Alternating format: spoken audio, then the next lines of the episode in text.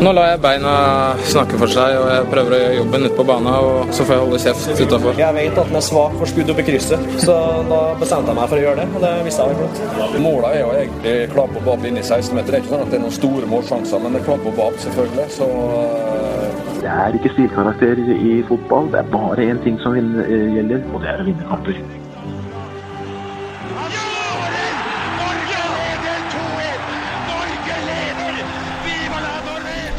Og der er uh, toppfotball tilbake. Jørgen Kjernås, det er en ære å ha deg her igjen. altså. Jo, tror å får være med to uker på rad. Det er jo helt strålende. Det er lenge siden. Ja, det er veldig lenge siden vi klarte det. Og lytterne som trodde at du bare skulle være en sånn ekspertgjest som kom innom en gang i ny mellom, som du gjorde tidligere. Nå er det litt mer sånn stabil. Ja, biter meg fast nå. Holder så godt man kan. Fantastisk. Vi skal jo ha et, vi skal jo ta sommerferie på et eller annet tidspunkt, men vi skal ha et par uh, sendinger før det. Uh, hva skal du i ferien, Jørgen?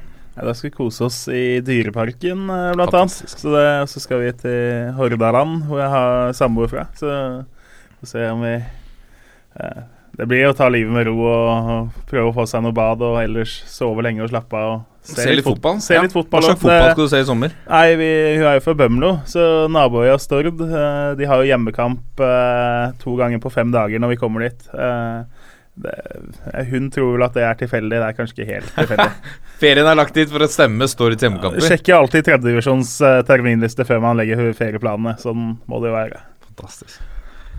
Apropos Hordaland, det var jo et kjempebra oppspill her til uh, Vi har jo fått med oss en, en fantastisk gjest, fordi eh, på lørdag er det duket for, for mange, spesielt folk fra, på Østlandet, Oslo, Romerike. et av årets viktigste oppgjør. Vålerenga møter Lillestrøm.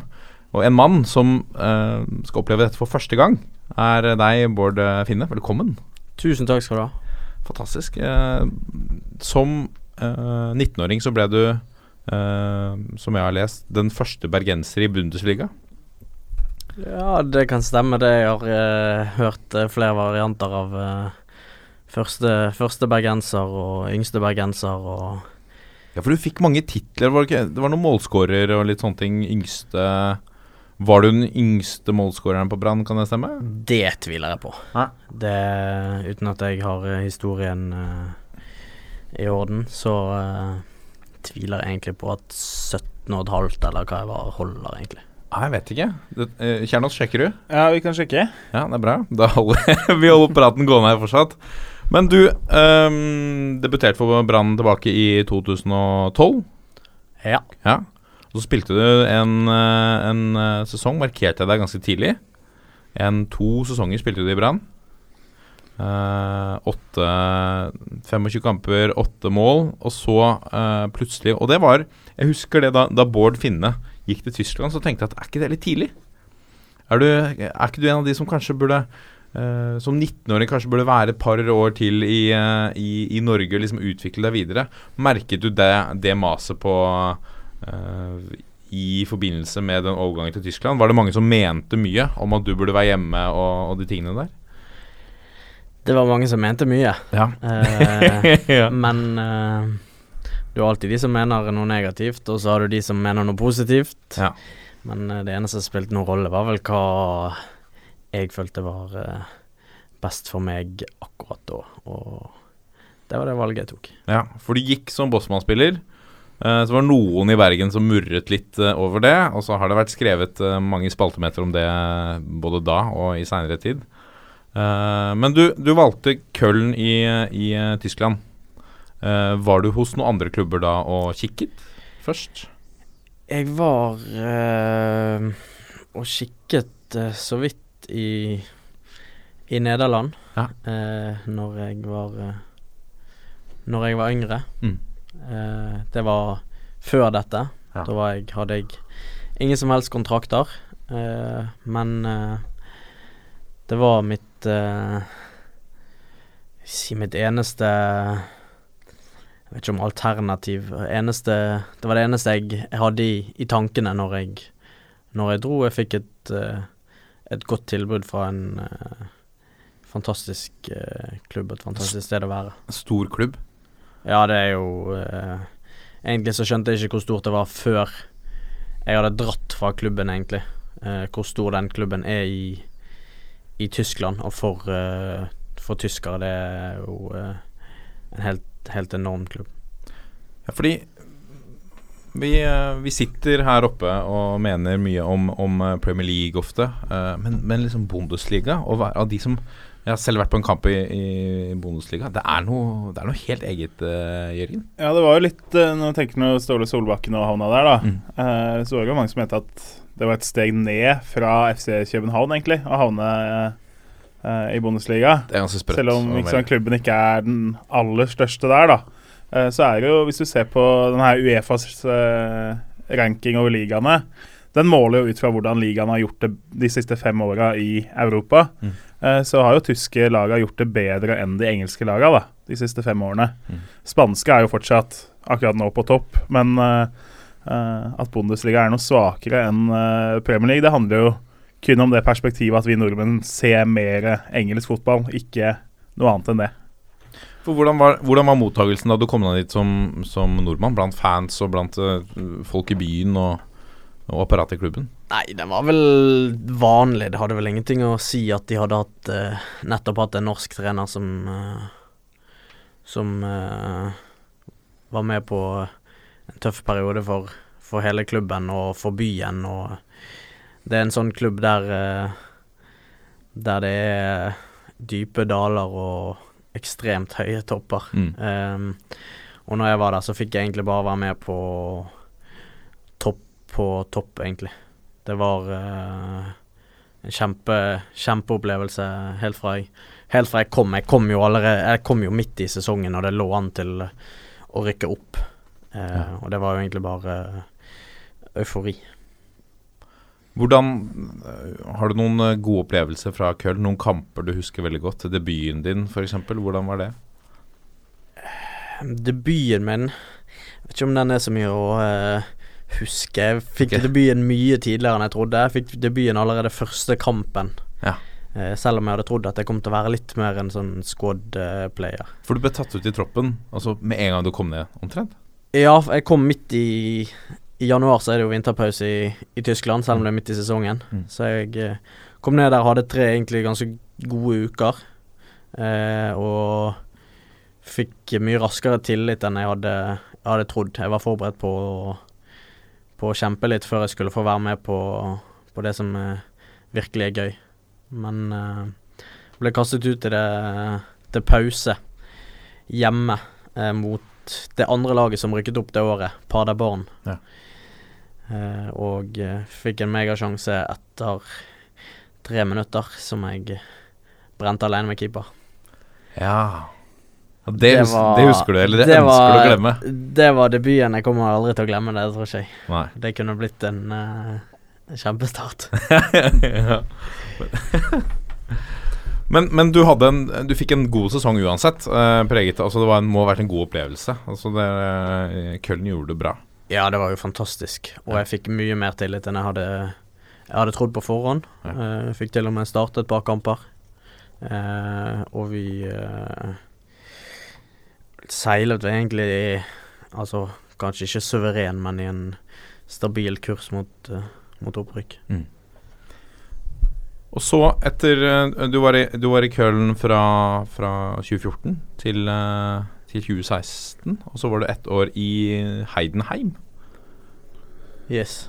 Hvordan, hva slags Altså, det, det er et uh, Nå er ikke jeg like fotballnerd som deg, Jørgen. Nei, det er jo ikke noe lag man på en måte Det er jo ikke det tyske laget folk kjenner til best, på en måte. Og det er vel en ganske ny klubb fra ganske liten by etter tysk standard, i hvert fall. Det var uh, kontraster, det, Ja, det skal var- jeg love. Ja, det var det. Det er en by med 50 000 innbyggere, Ja. som er en bydel i, i Bergen, omtrent, på Mm. størrelse. Eh, men um, det var jo for jeg ville ha, ha spilletid, Mm. og uh, det fikk jeg jo uh, det første halvåret etter jeg kom. Og så manglet det på det over sommeren. Ja. Hvordan var Altså, det oppholdet fikk litt sånn negativ undertone for deg til slutt, eller syns du det var ok? Nei, det var jo Altså, jeg angrer ikke på noe av det som har skjedd de, de tre årene, for det at det er jo eh, Alt er læring, uansett. Og eh, at jeg har blitt en bedre fotballspiller på de tre årene, er det jo ingen tvil om. Eh, selv om Når jeg ser tilbake på det, så er jo det de, de to årene i, i Køln som var fantastisk. fantastisk. Er det Det har vært en diskusjon, og, og senest nå Joshua King som, som på en måte svarte litt med litt latter mot uh, Nils Arne Eggens uh, tanker om å, å bli lenge i Norge. Hva tenker du at dersom man som ung 16-17-18-åring får et tilbud fra utlandet, så burde man ta det uansett, hvis det er fra liksom, noen av de store uh, ligaene? Nei. Uh, jeg har aldri sagt dette spørsmålet har jeg fått så mange ganger, og Ja. jeg har aldri sagt verken at man må ta det, Nei. eller at man ikke må ta det. Det blir jo en, eh, en vurderingssak hvordan er situasjonen og der du er, og hvordan kan situasjonen bli. Mm. Og eh, når du kommer til en klubb, så eh, kan du aldri vite 100% sikker om eh, Kommer jeg til å spille her? Kommer jeg til å, å bli en kjempesuksess? Det kan man aldri vite. Men eh, at det er læring i å, å dra ut tidlig, det kan jeg skrive under på.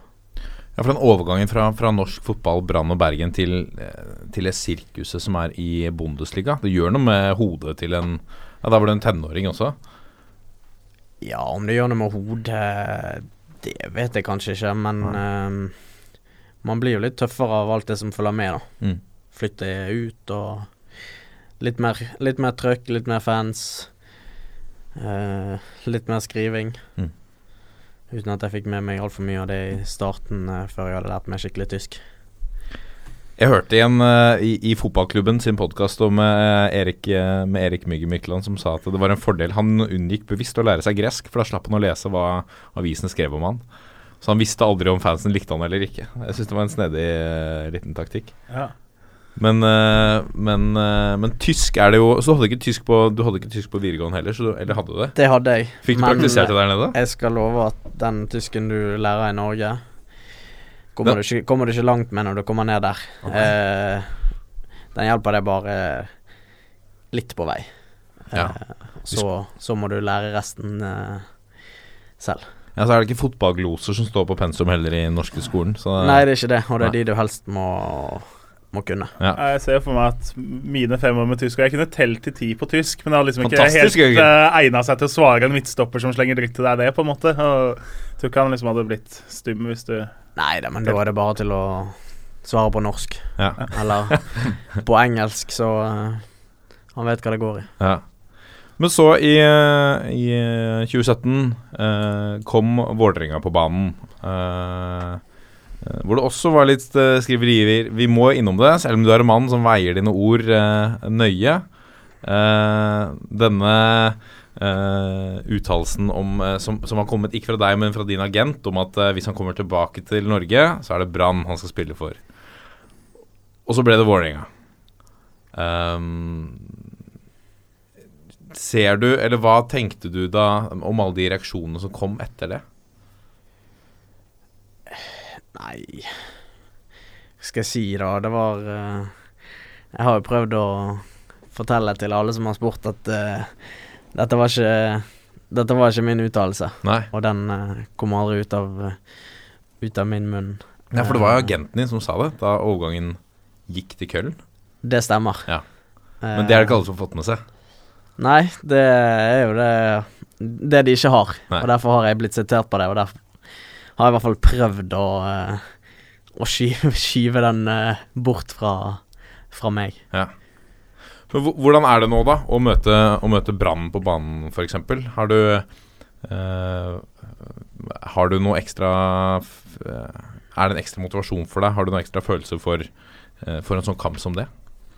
Ekstra motivasjon Vet jeg ikke. Jeg er motivert hver gang jeg går på banen, så eh, Men det blir jo sikkert Nå er det jo faktisk bare eh, ti dager til vi skal dit. Mm. Ehm, så uh, at det blir litt spesielt, er jo det ingen tvil om. Mm. Men uh, ingenting jeg gruer meg til. Jeg gleder meg. Hvordan mottakelse tror du du får fra fansen? Har du tenkt noe på det? Det får vi vente og se på. Det er ikke så viktig. Så lenge Vålerenga-fansen uh, applauderer borti, borti hjørnet på, på Brann stadion, så går det, går det helt fint. Ja. Jeg tenker at Kommer du til Bergen som Vålerenga-spiller, så blir du jo aldri hjertelig mottatt uansett, på en måte. Så Nei. det er ikke sikkert at man nødvendigvis merker så stor forskjell uansett hvor man har spilt før eller er fra, sånn sett heller. Nei, det blir jo fort bua på hele gjengen. Ja, som eh, ja, som eh, har, skjedd, eh, har skjedd før. Men eh, nå er du Vålerenga-spiller. Eh, på lørdag møter dere Lillestrøm. Eh, hva hvordan er, er forberedelsene deres noe annerledes uh, med tanke på dette er et byderby? Det er et veldig dumt spørsmål, for nesten så vet man at det, fotballsvaret er at nei, vi gjør det samme, dette er en helt vanlig kamp for oss. Men merkes det i Vålerenga at Lillestrøm-kampen er litt spesiell? Um, altså Forberedelsene sportslig, Ja. de uh, er jo ikke annerledes. Nei. Det handler om å, om å fokusere på oss og, eh, og gjøre oss klar til kamp, og så må vi vite hva eh, Hva eh, motstanderen eh, kan, og hva man kan ta dem på. Det er, det samme om de heter Lillestrøm eller Brann eller Rosenborg. Mm. Eh, men at det betyr mye for spesielt de som har vært lenge i klubben og kjenner veldig til eh, rivaliseringen, det er det vel ingenting å legge skjul på. Nei.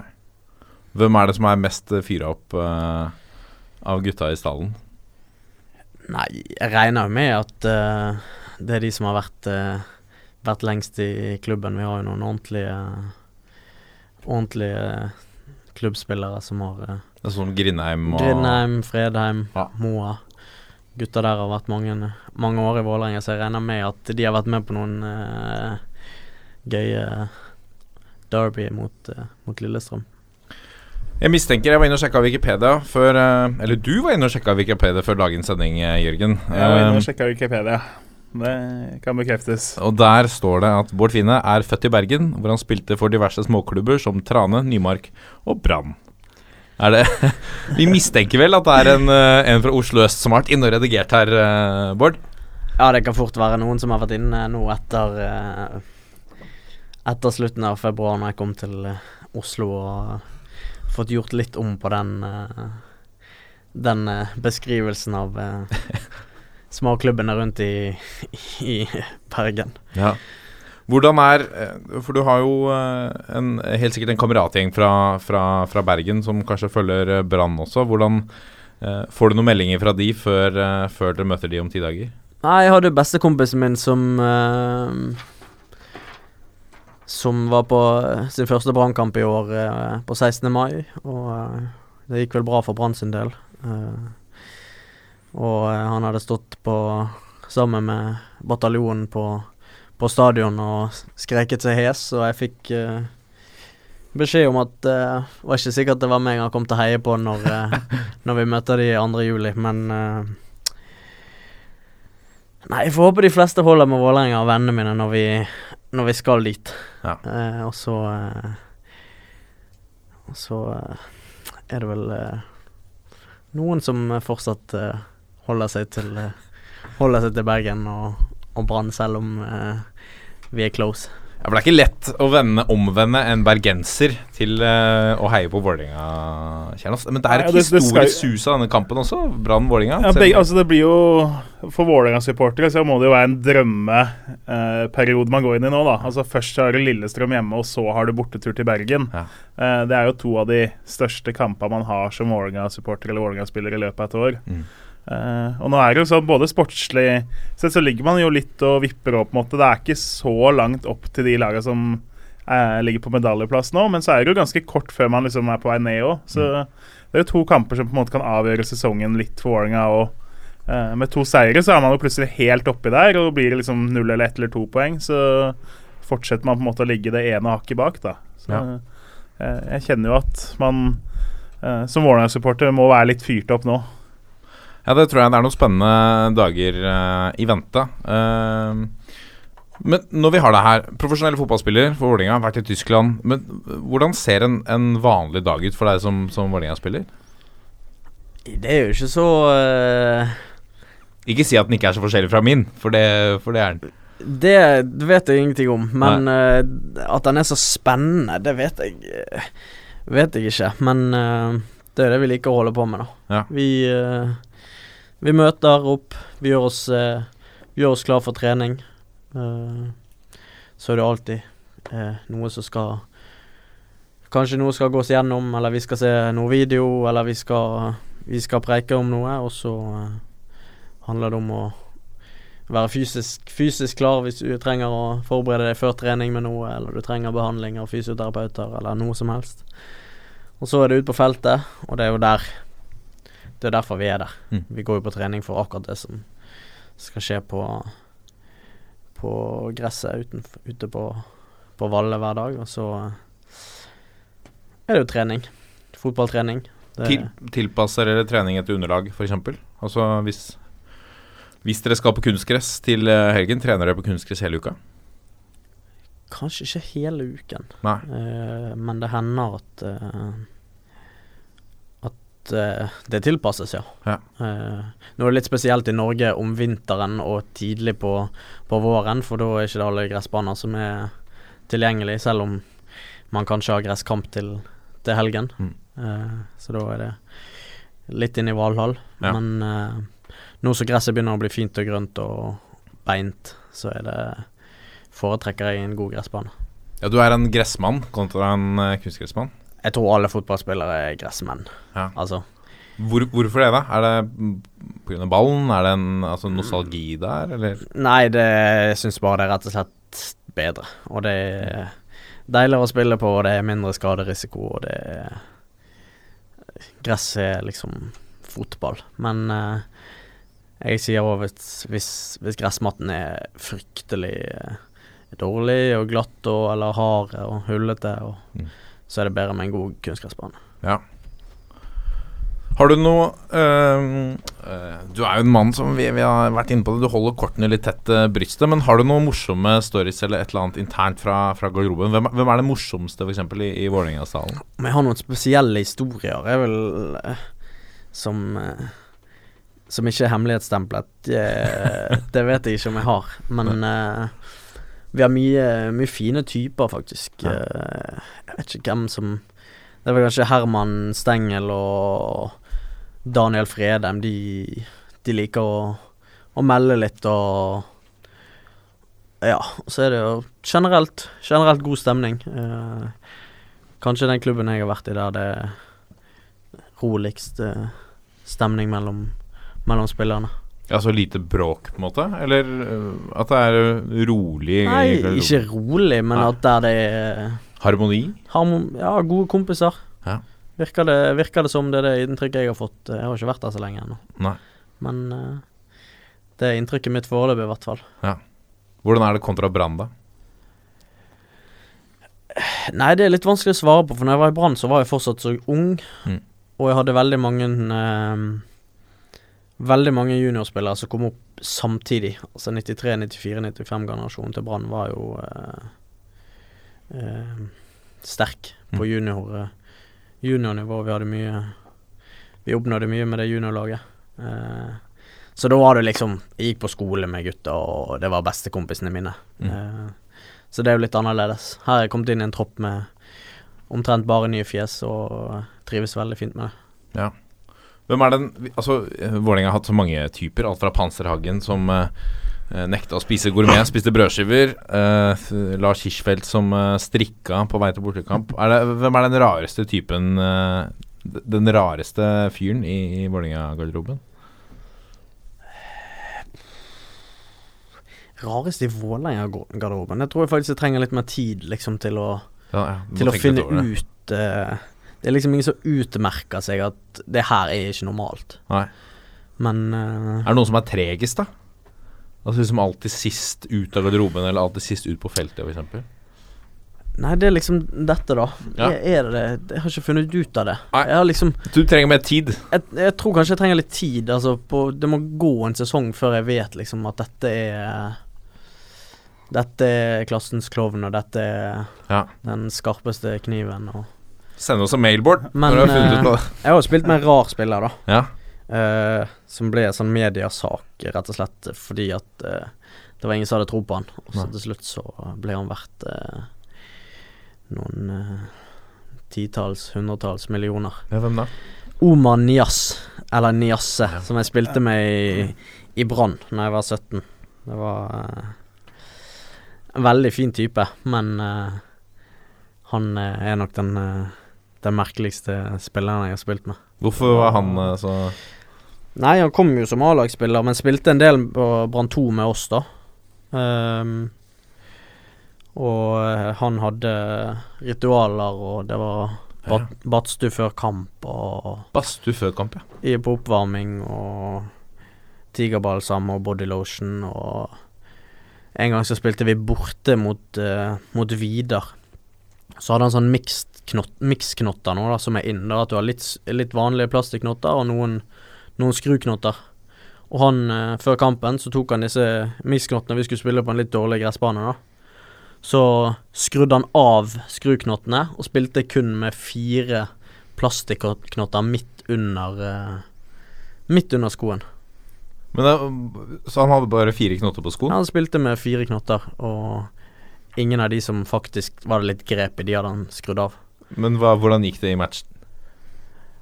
Nei, det Det kan jo ikke ha gått bra på en uh... Jeg tror vi vant, men om det var av han, det vet jeg ikke. Men nå skal det jo sies, da, Ja. at uh, han uh, forsvant vel ut av Brann ganske fort, og har gjort kjempekarriere etter Han dro vel til Tyrkia og Russland og ble solgt til Everton for 150 millioner. Eh, så at han ikke kunne noe, det var vel bare noe vi hadde Vi fikk en oppfatning av i, i Brann. For det, han er jo tydeligvis en uh, meget god fotballspiller. Jeg har sett han litt i Premier League nå.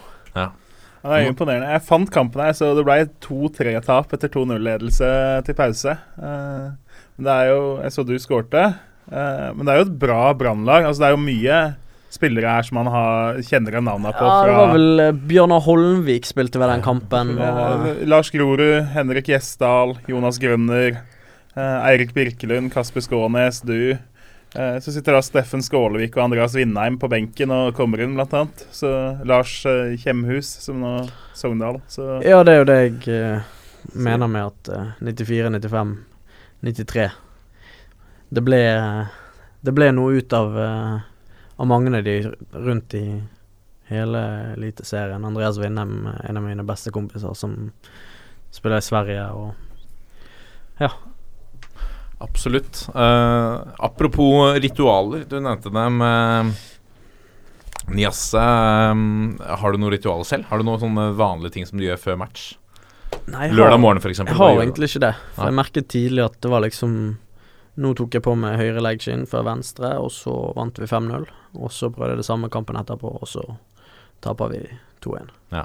Så jeg har egentlig gitt opp litt det der uh, ritualgreiene, selv om jeg er litt sånn OCD i hodet, da. At det må ligge beint, og helst skal det være ene, legg, ene sokken på før andre, og, og sånne ting, uten at jeg tror at det hjelper veldig.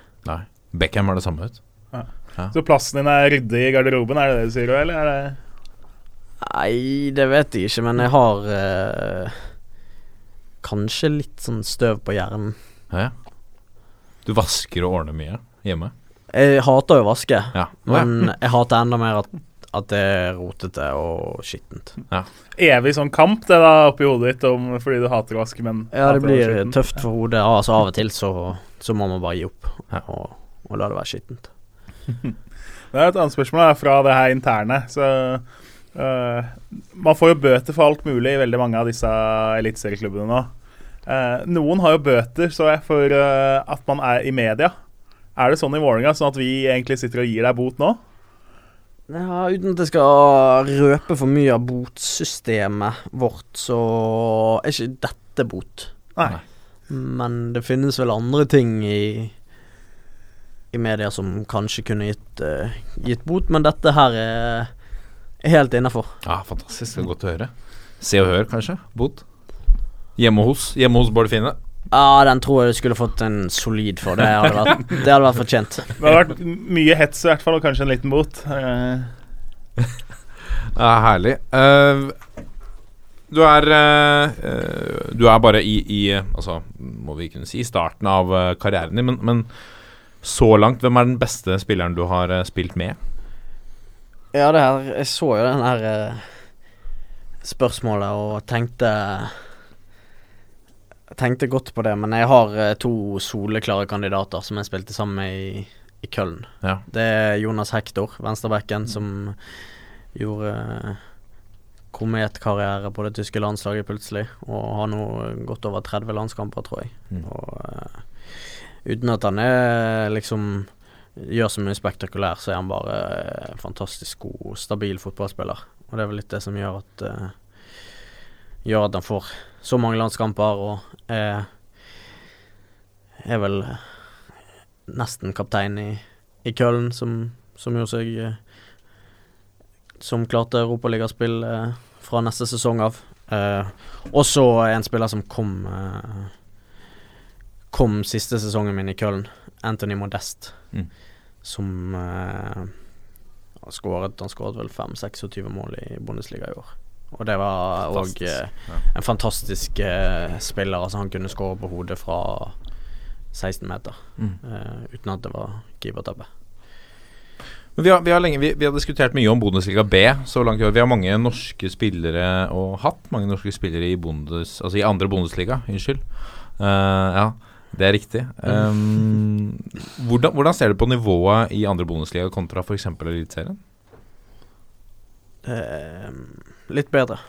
I, bonus, I andre Bundesliga? Det er sånn jeg ser på det. Uh, men det er jo min oppfatning. Ja. Så kan du Altså, sånne spørsmål eh, Hva som er den beste ligaen, og det får du aldri svar på, for det er umulig å si. Nei. Eh, Men hvor, hva, hva er liksom eh, hovedforskjellen på de? Er det, en, er det mer fysisk? Går det kjappere? Er det Det er vel kanskje litt det, ja. Mer fysisk. Det er noen maskiner som, som spiller der. Um, og fysisk så er ikke det så stor forskjell på første og andre Bundesliga. Der uh, forskjellen er hvor god du er med, med ballen. Mm. Um, og det er vel litt det som gjør, utgjør forskjellen på norsk og norsk eliteserie og, og andre bondesliga er at fysisk så er det noen ekstremt gode spillere i, i andre bondesliga. Mm. Vi har hatt flere, bl.a. um, eh, Pimenta som var her, som mente at uh, f.eks. Altså tekniske nivået, eh, forskjellen på det eh, på norske spillere kontra portugisiske, er nødvendigvis ikke like stort lenger som det var før. Det er bare at spillet går mye raskere. Men grunnteknikken er eh, kanskje, selv om eh, portugiserne er flinkere til å gjøre finter og, og sånne ting, er, er, har du det inntrykket litt sånn, eh, Kjernos, at, eh, at vi, vi er på, kanskje på ferdighetsmessig på, på vei, men spillet går for tregt? Ja, jeg skjønner godt hva du mener. For det, det handler jo ikke bare om det å faktisk kunne behandle ballen, men også hva du gjør med den, hvor god oversikt du har rundt deg, på en måte. da, og, eh, Hvor du velger å sende kula videre. Eh, jeg syns ofte det er det som skiller ganske mye de som spiller på nivå 1, 2 og 3. Uh, du finner jo mange spillere på nivå 2 og 3 som er gode med ball, men som mangler oversikten eller mangler litt den fotballklokheten da, som uh, de fleste på nivå 1 har. da. Mm. Hvis det var et svar på det du lurte på. Ja, ja, ja det tror jeg. Jeg syns det var fint, det. Um, Men jeg må jo skyte inn Det er vel noen statistikker på at andre Bundesliga er- har vel i hvert fall vært den fjerde mest eh, besøkte ligaen i Europa. Det er, vel, det er vel da sånn at de var vel faktisk eh, for et par år siden i hvert fall over Serie A da, Ja. eh, i tilskuersnitt. Eh, så det sier jo litt om interessen. Men der er det vel også litt sånn at alle Ja, Bård? Ja, det spørs vel litt på eh, Hvem hvilke som klubber som Ja. rykker opp og ned. Og nå har jo eh, Stuttgart var nede dette året. De hadde vel uh, 60 000 på kampene. Mm. Uh, jeg kom til Köln i andre Bundesliga, og vi snittet på 46 000 eh, på en stadion som tok 50 Ja. i andre Bundesliga. Det er ganske bra trekk. Og det er jo enormt. Ja. Og det er vel litt det som er, er greien. Eh, så har du de små stadionene òg, men eh, alle lag, uansett hvor store de er. By med 50 000 i Heidenheim, så hadde vi 12-13 på, på kamp på en stadion som bare tok 15. det er bra oppmøte fra, som du sier, en bydel i, i, i Bergen. Eh, her så er det Nå opp til, til lørdag så kan vi vel Vi får vel uh, tro at det blir over ti, men, men, uh, men uh, en 10 000-12 000. Men det har vært glissent så langt på Ullevål også. Det har vært eh, litt sånn nedgangstider egentlig ganske mange steder. Du kan jo se til Bergen nå, hvor det er halvfullt når de leder serien og rundspiller Stabæk. Mm. Så det er jo Vi kan ikke sammenligne med for ti år siden, for da var det nesten kunstig høyt. Men eh, likevel, da, så føler jeg på en måte at det, det er flere klubber som har mer å hente på potensialet sitt enn det de har nå, da, på tilskuere. Eh, og jeg tenker at uh, Vålerenga og LSK, det bør jo være den, på en, måte, en av de første kampene du huker i terminlista, uansett hvilket av lagene du holder med. Men Brann leder eh, serien. Hvis Vålerenga ikke uh, blander seg inn i toppen, heier du på Brann da i gullkampen? Hvordan er følelsene for gamleklubben? Hvis ikke vi eh, Hvis dere ikke kan ta Hvis gullet? ikke vi kan ta det, så eh, er det ikke så viktig hvem som, hvem som gjør det. Nei. Sånn er det bare. Ja. Det Man har lyst til å vinne, Ja. og eh, når man Hvis man ikke gjør det, Så spiller det ingen rolle. Spiller det liten rolle. Ja. Hva tror du om, uh, om årets uh, eliteserie, da? Hvis du skal tenke, se på, se på topp og bunn. Hvem, hvem tror du ligger, uh, ligger på, på første, andre og tredjeplass når vi er ferdig med sesongen? Du skal få lov å si Vålerenga på en av plassene.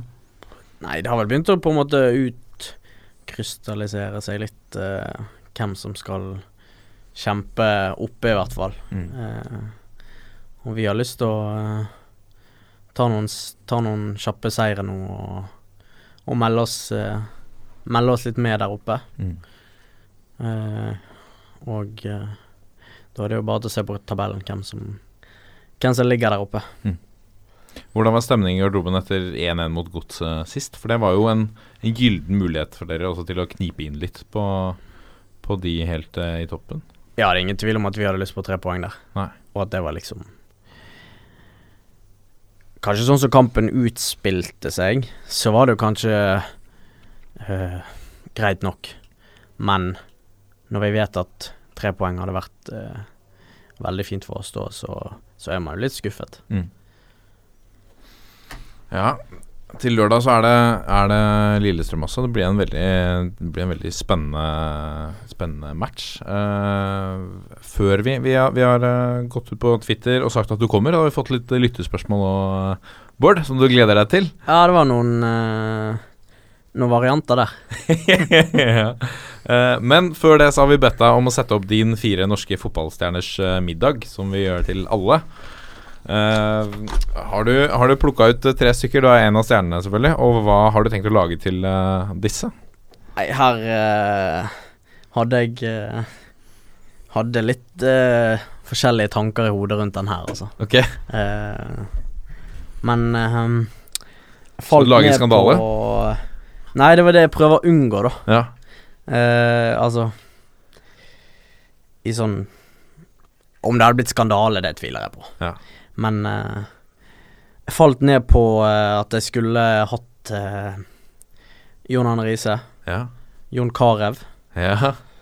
og Tom Henning Øvrebø. Ja. For, for, for, fortell. Begrunn. Nei, det kunne fort blitt litt uh, temperatur, da. Ja. Og da må vi ha en eh, kontroversiell dommer som tør å ta tøffe avgjørelser, selv om eh, jeg eh, slo i gulvet når han snøt Chelsea for den. Eh, Ja, for du er, du er Chelsea-mann? det er Chelsea. Ja, riktig. Altså, du har litt eh, Ja, så jeg har, jeg har på en måte en høne å plukke med han, da. Ja. Så han skulle gjerne vært rundt bordet der. Og så er jo ikke det til å stikke under en stol at eh, selv om jeg velger disse to spillerne på en litt humoristisk grunnlag, så eh, er det jo noe av det, noe av det største eh, som har vært i Fotball-Norge, sånn eh, med tanke på å vinne, vinne ting og oppnå ting, og da Ja. har man sikkert noe å lære der òg. Slagene i Drammen, ja. Når var dette, da? 2002? 3? 4? Ja, vi var rundt der, og det var jo eh, Det var jo to spillere som da var ganske Altså, de var jo svære, svære profiler. Ja. De var mye større profiler enn det vi kan sammenligne med i dagens Norge. Ja. Eh, og så var vel ikke kjemien helt der, og det var litt eh, hanekamp, og det blei jo en fryktelig svær sak ut av dette. Så eh, de har vel møttes, men det, jeg vet ikke helt om det Det kunne blitt en interessant eh, episode av Firestjerners uh, fotballmiddag, dette, ja. Men hvor gammel var du da, Bård? Har slagene i Drammen eh, Var det 2004 vi falt ned på? Ja, Eh, ni år, det. ja, ikke sant? Så at jeg eh, husker dette, er jo egentlig eh, ja 2003 var det, så da ja, åtte år, da. var åtte år.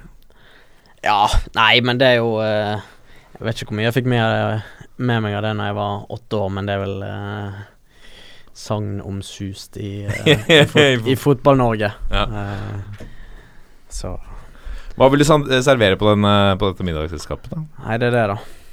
Uh, Har du en spesialitet? det had, nei, jeg har ikke det. Det hadde jo fort fått blitt enkelt, da.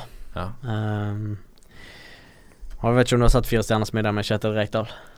Uh, det så jeg faktisk her om dagen. Gikk i reprise, tror jeg. Ja, han kjørte vel en enkel variant. Kjørte reker og Eh, Loff og majones, kanskje. Jeg tror det. Noe sånt. Ja. Noe, noe enkelt. Jeg skal ikke skryte på meg at jeg er en kjempe kjempekokk. Nei, men du, men du får vel alle eh, måltidene nesten servert på ballet også? Ja, vi får i hvert fall ett måltid om dagen, da. Ja. Det er jo eh, Kommer jo langt på vei der. Ja. Eh, og så eh, må man jo mekke noe sjøl òg, men eh, jeg, eh, jeg spiser uten at det er veldig lekkert. Ja. ja for, for deg så er mat er på en måte en, en kilde til energi for å trene mer? Er det litt sånn? Nei, er jeg er jo glad i god, god mat. Ja. Men jeg er mest glad i god mat som står på bordet foran meg. ja. At det er ferdig. Ja. Ja. du danderer ikke, og det havner ikke på Instagram eh, hver gang du skal spise, eh, med andre ord. Nei, det er langt ifra. Men hvis jeg danderer, så handler det på Snapchat og Instagram og det som Jeg hadde jo fatter så blei jo invitert med på dette Firestjerners eh, Han gjorde det? middag. Ja, det Takka nei, eller var med? Jeg tror min mor er glad for at eh, han uh, ikke ble med. Det, Er ikke god på kjøkkenet? Det hadde blitt uh, omelett og wienerpølser, ser jeg for meg. Og så måtte det blitt noe uh, variant av tressis eller et eller annet til dessert, tipper jeg. Da- Det høres ut som han Petter Nei, hva heter han da? Uh, Dekkongen? Uh, Tommy Sharif? Tommy Sharif, ja. Ja. Nei, det kan jeg avkrefte at det er faren min, men eh, Ja, det var bra. Ja, nei, det, det hadde blitt på det nivået. Det hadde, det hadde blitt pinlig. Dette er toppfotball. Og da, Bård, eh, skal vi ta litt eh, lyttespørsmål. Eh, vi kan begynne med Jørgen, Jørgen Eide, som jubla over at du kom i studio i dag. Han spurte om du følger med på din barneklubb, barndomsklubb Nymark i femtedivisjon. Her eh, må jeg rette på eh, kjære Jørgen. Ja. Nymark er ikke min barndomsklubb. Der var jeg bare i ett år. Men Trane Men Trane Ja. er min eh, barndomsklubb, og jeg må vel innrømme at jeg ikke følger altfor mye med på noen av de. Eh, Hvor, de, hvor ligger de i ligasystemet nå? Trane er jeg litt usikker på, men det er fort femte-sjette, altså. Eh, men de har fått kunstgressbane. Ja, det har du merka det. Eh, endelig. Ja. Det var jo snakk om det siden jeg var fem år gammel. Ja. Og den fikk de omsider uh, i fjor, eller noe. Ja. Så Men de fikk kanskje noe penger da du gikk til Tyskland? Utdannings... Nei, Jeg tror ikke det var nok til en uh, Bossmann-overgangen der var ikke nok til en kunstgressbane. Nei, men sånn eh, utdanningskompensasjon, det drypper vel litt penger uansett? gjør det eh, det? Jo, men Det starter vel når du er 13, starter det fra. Så kanskje det ble nye ballnett og vester på et, eh, et av guttelagene. Men uh, noe mer enn det, det Jeg vet ikke. Nei, Så det er ikke Bård Finne Arena på, i Trane? Jeg skal love deg at det er det ikke. Jeg ser det er sjette divisjon nå, så det er jo godt nedi divisjonene. Midt på tabellen i sjette Ja, det var vel fjerde en periode der når når jeg var litt eh, Litt yngre. De hadde en voldsom hjemmebanefordel på grusen. På Mm. Ja, på grus, ja. Da er det fort fordel i, fjerde fjerdedivisjon. Ja, vi spilte små gutte turneringer på grus med, mot alle kunstgresslagene, og vi Ja. Det, er- det er hjemmebanefordel, det. Fantastisk. Men er du en av de som, som tenker at eh, ja, når uh, Bård Finne er uh, 39, så kommer han tilbake og, og spiller på, på Trane? Skal ikke utelukke det, Nei? men uh, at det er helt sikkert, det kan jeg heller ikke si. Se for deg overskriften i lokalavis der oppe. Uh, Finne utelukker ikke retur til uh, barndomsklubben. Ja, hvis vi har lokalavis oppe på uh, Slettebakken i Bergen her, så Så kan jo det være En bra overskrift. bra overskrift. De hadde nettopp jubileum. Jeg fikk uh, Tror jeg fikk en uh, to-tre setninger i jubileumsboken, så det, at, Ja. at det er en enormt høy stjerne, det skal jeg ikke skryte på meg. Er det noen andre store spillere som har kommet derfra? Eh, Nå må jeg være Må definere store spillere. Ja, som, eh, Hvem er de største spillerne som liksom har kommet fra, fra Trane? Vi skapte fire-fem uh, tippeligaspillere Ja. på 20 år, kanskje. Ja. Men uh, det er jo noe. Ja, ja. Det er meg Absolutt. og Eirik Birkelund i, i Sogndal. Ja. Uh, Ståle Setre, som eh, nå spiller i Nest Sotra, han var innom Stabæk. Eh, og Valde-brødrene, ja. Knut hvis du husker de. Og Ja. Arve Valde. og Arve Valde, ja. Han eh, De gutta Ekte Trane-gutter. ja. Det var litt punch i de. Ja, det er, det er jo en eh, Det er mer enn det de fleste småklubber får opp eh, på to-ti år, det, da. Ja. Så eh, Har du, noen noe forutsetning for å si noe om hvordan samarbeidet er Hvordan samarbeider Brann med de klubbene rundt? Er det sånn at de klubbene rundt kommer til Brann og får spille eller får trene med de? På et tidlig liksom uh, Jeg vet jo hva som skjedde når jeg gikk til Brann, Ja. fra Nymark. For jeg hadde et mellom mellomår i Nymark Mm. uh, der jeg egentlig ble uh, spurt om vil du bytte, for vi har noe spennende gående. Mm. Så gikk jeg til Nymark, og fra det 95-årgangslaget så har vi tre spillere som har spilt Tippeliga og U21-landslag. Mm. Eh, fra Nymark det ene året jeg var der, og vi gikk til Brann samtidig, hele gjengen. Eh, Ja. Og det var litt sånn initiativ fra Brann som, som gjorde at vi gikk til utviklingsavdelingen, da, selvfølgelig. Brann. Det kan være spennende å høre hvordan de også jobber med, med talentutvikling. Vet du noe om det? Nei, det har jo vært Lenge så var det jo litt kamp, og dette Løveakademiet til Løvham var vel også ganske rått å plukke av spillere fra hele Hordaland og litt sånn. Mm. Eh, så har jo det forsvunnet litt nå som Løvam ikke eksisterer mer. Eh, det er vel litt sånn eh, både og der. Eh, han Haldor Stenevik så er vel fra Austevoll, er han ikke det, mener jeg? Så det, Han er fra Austevoll. Han var vel innom eh, Løveakademiet, Mm. som de kalte det. Ja. Eh, det er klart det er, en, Men, det er en drøy tur, det. Når du, hvis du skal trene fire-fem-seks ganger i uka, dra fra Austevoll og inn til Bergen som 13-åring, på en måte. Ja, hvor langt er det? Nei, du må jo ta båten eh, har inn. fått en times ja, tid, kanskje. Ja. Uten at jeg eh, Ja. er Ikke så lenge det er skal bli proff. Nei da, men det er verdt det, det. Ja. Ja. Må time på Hurtigbåten. Går ikke så mange ganger i døgnet heller. Så har en, eh, vi har fått en uh, melding fra, fra Lars som spør om uh, du er sliten. Du så litt tung ut på søndag. Uh, er det meninga i fremtiden at du skal spille kant? At kamphverdagen er tøffere nå enn jeg har hatt på tre år, er det jo ikke til å, til å legge skjul på. Så er det jo litt opp og, opp og ned i, i enkeltkamper. Så får jeg bare beklage til Lars at jeg eh, Ja. så tung ut på søndag. Ja. Det får vi rette opp igjen på, på lørdag, rett og slett. Ja. Eh, og eh, om det er meningen eh, Meningen Jeg er jo en kantspiller. Ja. Slash spiss. Hva har du spilt Så at det er meningen at jeg skal spille kant, Ja. Men eh, at jeg kan spille spiss i tillegg, ja, det kan jeg òg. Har du lyst til å si hva du foretrekker? da? Eller er det en Ja, av de der men jeg vet ikke hva jeg foretrekker, for da må jeg vite hvilken formasjon vi spiller. Ja. Uh, og hvordan vi spiller.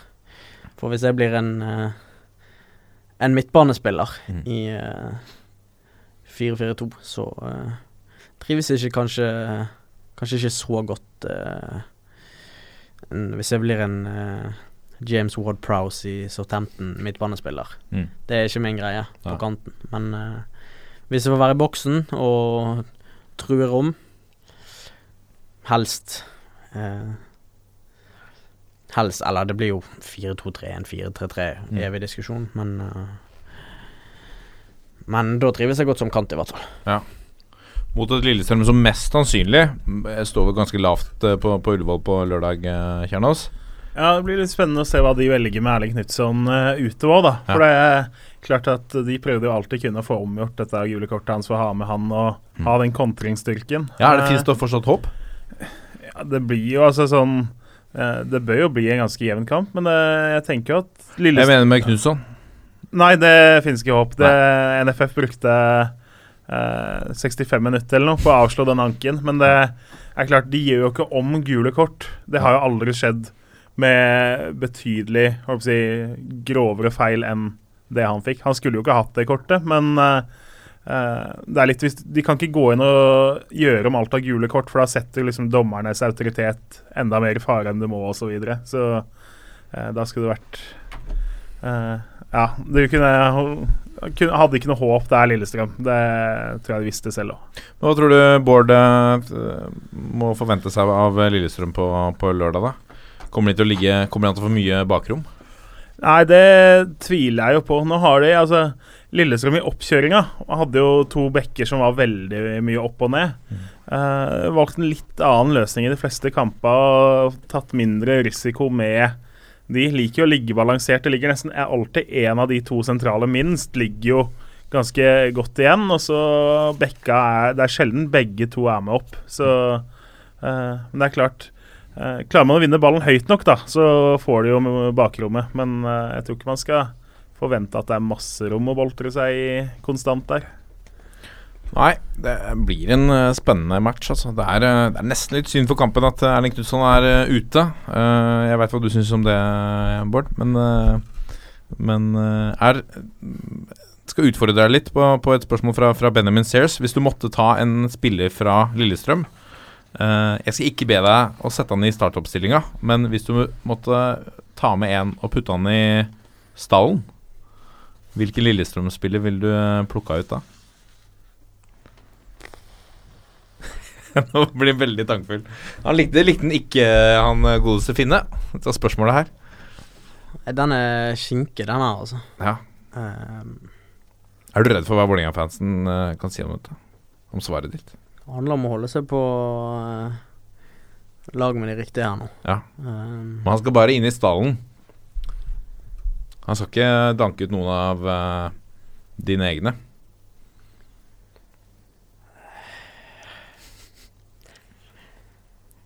nei, det var det, da. Jeg lov å velge en som spilte der i fjor. Det er kanskje ikke lov, det.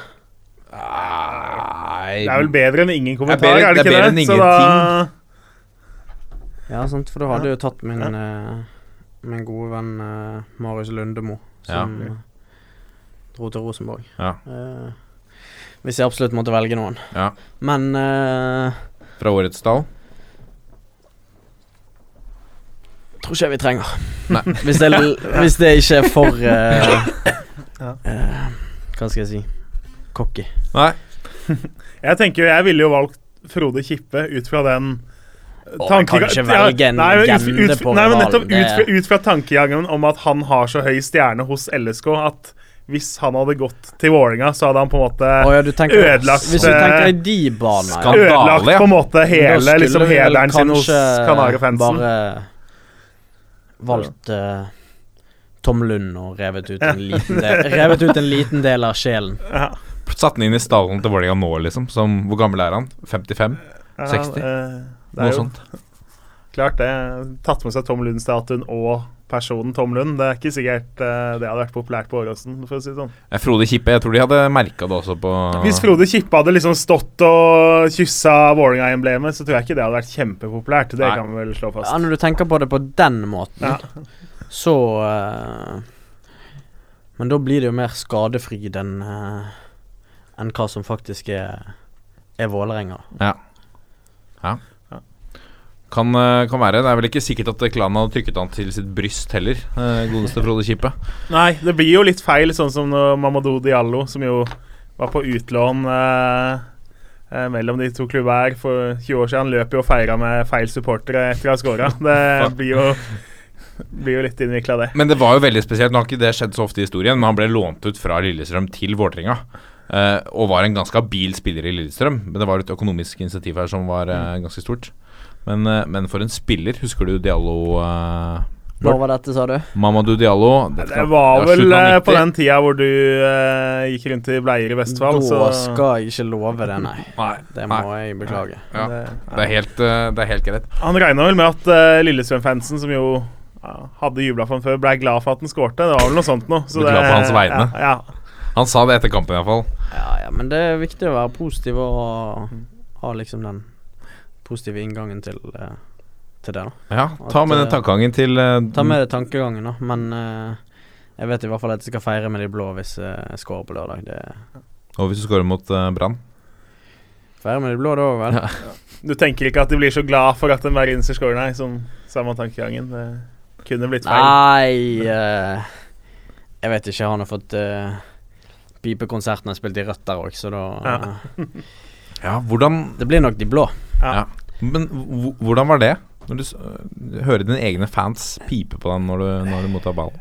Nei, det svaret eh, har jeg gitt tusen ganger, og det er like kjedelig hver gang. Det, det er for de velger sjøl, de som gjør det.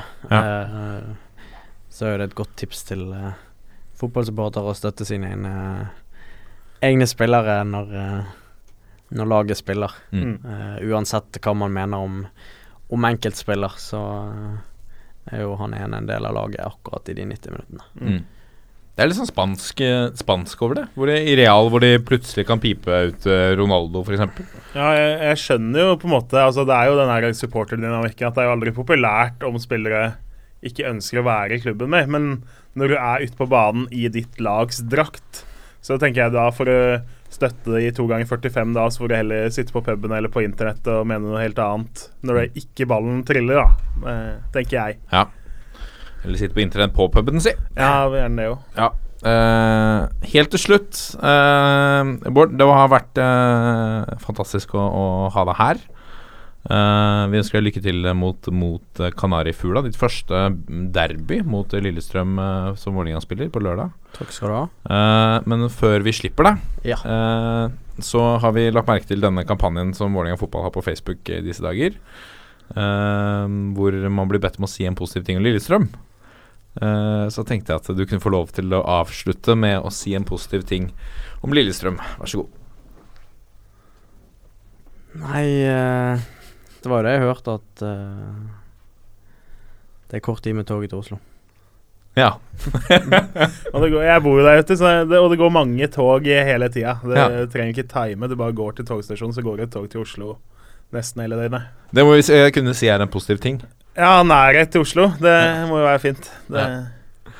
Herlig. Bård, tusen takk for at du eh, kom, og lykke til på kampen. Tusen takk skal du ha. Nå kommer pulsen.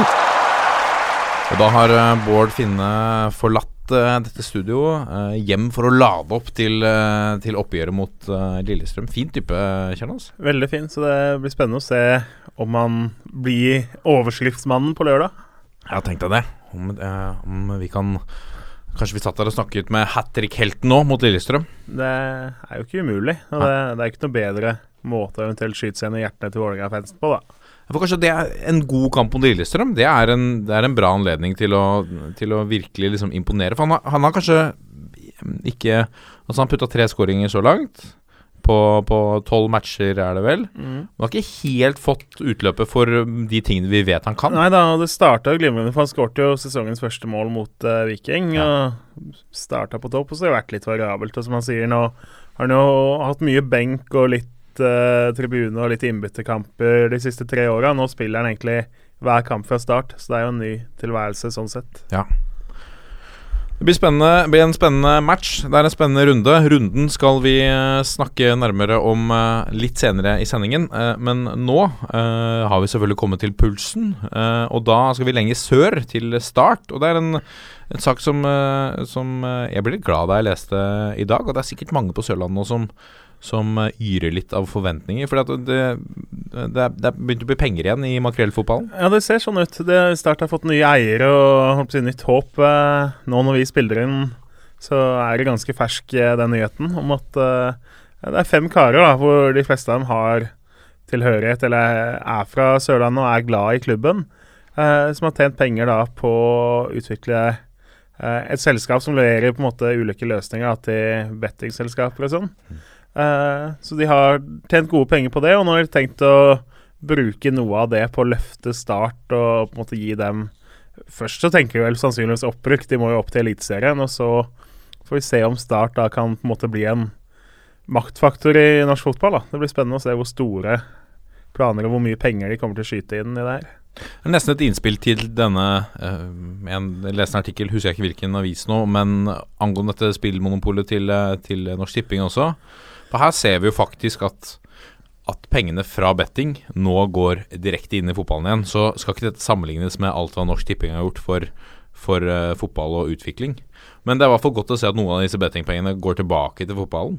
Ja, det er veldig interessant å se på en måte i lys av den debatten. Og nå har jo VG noen saker om akkurat dette spillmonopolet. Driver jo de og har en artikkelserie på nå, da. Uh, og litt av det her er jo altså De fleste av spillselskapene vil jo på en måte inn og vil jo sponse hvis man får lov. Nå har de gutta som eh, har tatt over i Start, har jo gjort det som privatpersoner. Eh, og det er jo på en måte Det går ikke an å si at det ikke er greit. Eh, samme hadde jo eh, annet Brentford, var vel England, som er jo eier seg en som har tjent gode penger eh, på lignende vis, da. Eh, jeg tenker at for Start å få en gjeng eiere som er fotballinteresserte, og som er kyndige, og som er gode businessmenn, eh, og som brenner for klubben, da, tenker jeg. Uh, av de fem gutta som uh, nå kjøper seg inn, så er jo jeg tror fire av dem er fra Sørlandet og er glad i klubben, ikke sant. Det er noe helt annet enn å få en eier fra øst eller vest som ikke si, veit hvilken klubb han har kjøpt. Det, de gjør nok de fleste av dem litt for kjærligheten til klubben. Nå så jeg akkurat når vi sitter her nå, så tikka det inn en uh, sånn push-melding om at uh, Inge André Olsen, som jo er sørlending, og som er sportslig leder i Stabæk, uh, at de ønsker å få han nedover til Sørlandet, da, som oh, ja. sportslig leder. Uh, og han eh, Det er TV 2 som skriver det nå. Eh, og han har jo gjort veldig mye godt på spillerkjøpsida med veldig få penger å bruke i Stabæk. Fått mye ut av lite. Fått mye ut av lite der, så da blir det jo spennende å se om han eventuelt velger å flytte hjem til Sørlandet, og hva han eventuelt kan få til i start. Jeg tenker at det høres jo ut som et uh, riktig Et klokt førstetrekk da, av de nye eierne. Og så har de jo i tillegg fått han her Bransdal, som er daglig leder i klubben. Han skulle jo egentlig gå av. Eh, For en måneds tid siden så kom jo nyheten om at uh, han skulle jobbe ut sommeren, og så skulle han slutte i klubben. Men nå med de nye eierne, så har han også bestemt seg for å bli i klubben, da. Uh, så jeg tenker jo at Sørlandet nå har de tre lag på uh, nivå to. Både Jerv og Arendal skuffa ganske mye i år, og det er jo Start som skal være flaggskipet på Sørlandet. Eh, Kristiansand også en så stor by at de bør jo ha et lag i Eliteserien. Jeg syns det er veldig spennende. Det, det trengs litt uh, satsing uh, i noen klubber uh, i Norge nå. Får håpe at med disse at det kommer fotballfolk inn som har peiling på fotball, som tar styringen der. At det ikke blir de med pengene som sitter Ja. og tar de viktige avgjørelsene, sportslig i hvert fall. Ikke sant, og sånn er det jo nå. ikke sant? De som tar over nå, har jo da kunnskap om fotball og et genuint ønske om at klubben skal bli best mulig. Hvis ikke så hadde de jo ikke kjøpt seg inn i det her. Det, jeg tror ingen av dem forventer at det her skal være noe plussprosjekt i kroner og øre. Eh, men i opplevelser og i å gjøre Sørlandet på en måte til et eh, enda bedre sted å være, ikke bare om sommeren, så tenker jeg at de kan få betalt der isteden. Men- Ja, og det, det er jo noe hele byen der kommer til å, å tjene på. eh, å få eh, Start opp i det fineste selskapet i norsk eh, fotball. Ja, de, altså Sørlandet trenger jo et lag på øverste nivå. Også Start har jo vært helt jojo- eller heislag de siste årene. Eh, med unntak av nesten-gullsesongen i 2005, så er det jo som regel nedi bunnstriden eller på nedrykksplass de har endt opp. Eh, så vi får se nå, da, med nye midler, om det eh, rekker til å på en måte være topp åtte-lag, eller om de sikter enda høyere enn det eh, i løpet av noen år. Kan, kan Start være med å Nå ser vi med årets eliteserie at det er Det er variabelt. Altså det er, det er uh, I hvert fall nå Toppen er veldig, veldig jevn.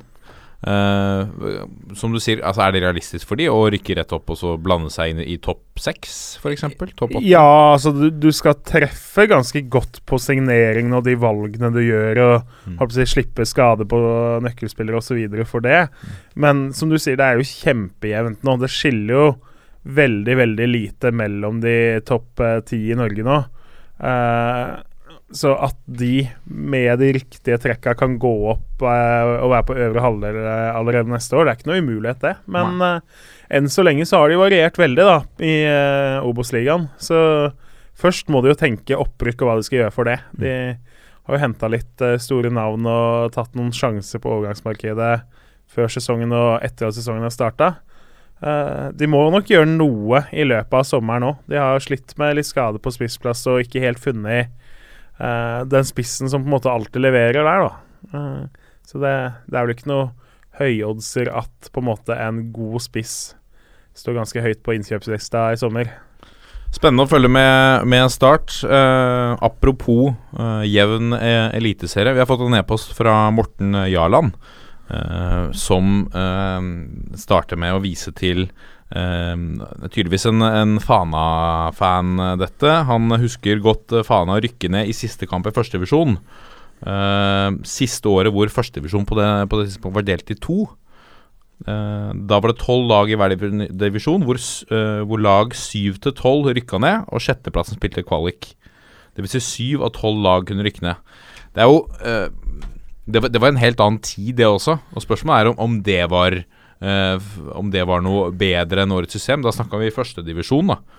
Men eh, nå har det vært endringer med, med PostNord, eh, som har vel har vært den største endringen, hvor vi har fått to eh, knallsterke avdelinger.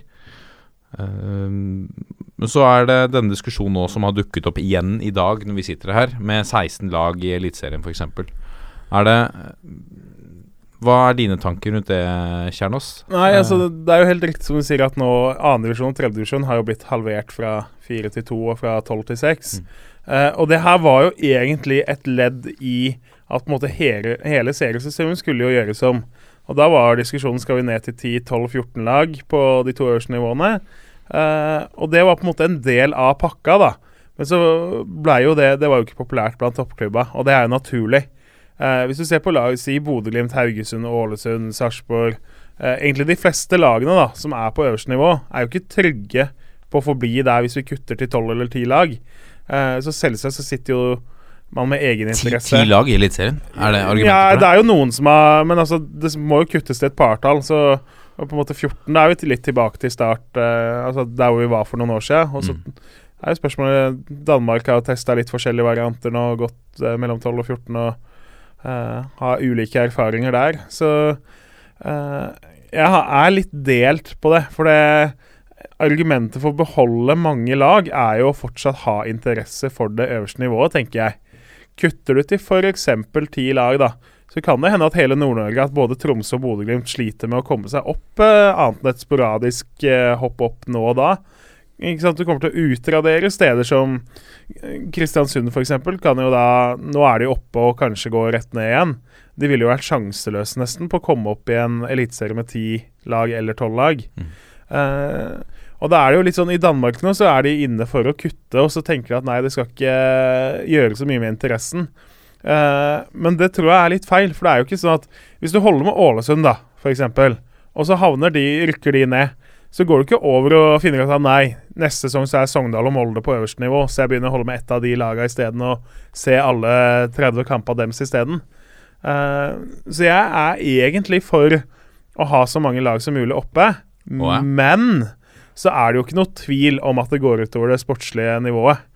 Eh, jeg mener jo at du ser det i Eliteserien, og så ser du det kanskje uh, spesielt på nivå to, hvor det er mye små klubber egentlig uten noen forutsetning for å holde seg der særlig lenge, som er oppe. Og på en måte all ære til Florø, Elverum, Tromsdalen, eh, KFUM i fjor. Eh, men det er på en måte klubber som Breddeklubber som har gjort en så god jobb på A-laget at de får seg noen heisaturer opp i førstedivisjon, da. Eh, jeg tenker jo at eh, førstedivisjon som produkt og som sportslig eh, produkt da, blir jo heva hvis du heller har lag nummer Si at det er tolv lag på øverste nivå, da. Da får du jo lag nummer 13 til 24 på nivå 2. Eh, det er jo de nederste laga i eh, dagens eliteserie, og så er det øverste halvdelen fra førstedivisjon. Mm. Det ville jo vært en sportslig veldig god avdeling. Så da får ned, Si at du får ned Sandefjord, Kristiansund, Tromsø og Viking f.eks., og så parer dem sammen med øverste halvdel fra årets førstedivisjon. Uh, Du begynner å snakke ganske attraktiv eh, da begynner serie. du å snakke om en liga som begynner å bli veldig god. Og så kommer jo da annendivisjon og tredjedivisjon til å bli enda bedre ut av det, de òg, på en måte. For hvis Mm. du skal fordele da de åtte resterende lagene utover annendivisjon, så begynner jo det å bli en kjempesterk avdeling. Uh, enda sterkere enn den er nå også. Uh, men så er det litt sånn tolv lag passer veldig dårlig, da, sånn serieoppsettmessig.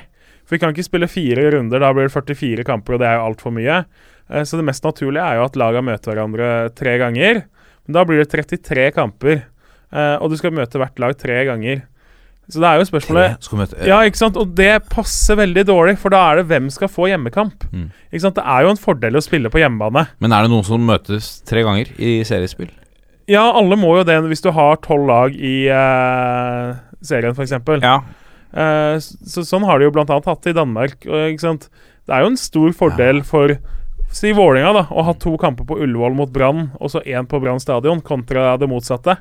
Eh, så hvordan du skal jevne ut det, og om du skal trekkes og eh, I tillegg 33 kamper, da, så sier jo veldig enkel matte at eh, noen får 17 hjemmekamper, andre får 16. Mm. Eh, det jeg i hvert fall er imot, er de her hypercube-variantene.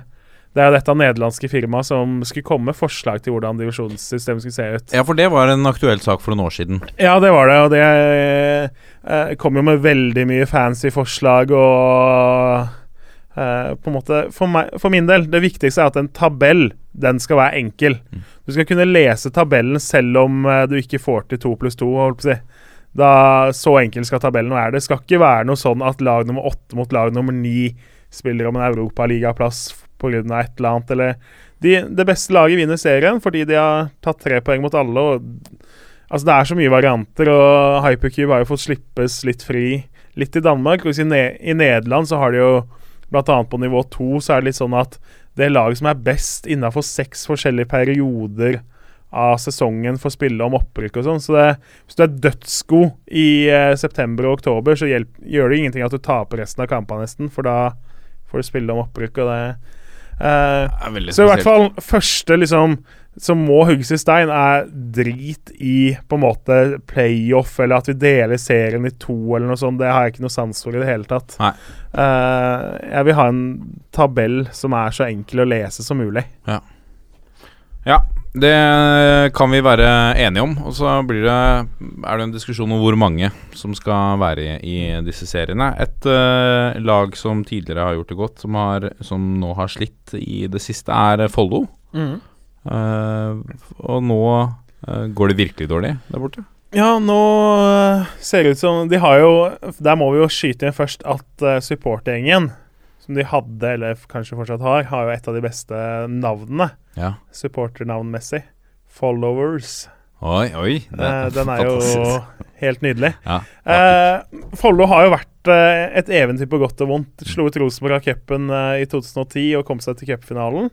Tapte jo den. Eh, noen år før så hadde de glemt å sende inn lisenssøknad, sånn at de ikke beholdt plassen. Og det har vært nesten konkurser og tolvte time, og det har vært noe sånn halvveis dopingsaker, og kampfiksingssaken ble de eh, blanda inn i. Så Follo er litt sånn eh, En sånn roman som du får med et ukeblad. Det må liksom skje noe hele tida. Det er ikke en forfatter som er god nok til å liksom Det er ikke nok det som skjer på banen? Det er, det ikke persondrevet drama. Det er en action-thriller hvor det på en måte høydepunktene er det tett mellom. Så det er liksom Det skjer noe like ofte i Follo fotballklubb som det er drap i Jo Nesbø sine bøker, på en måte. Ja.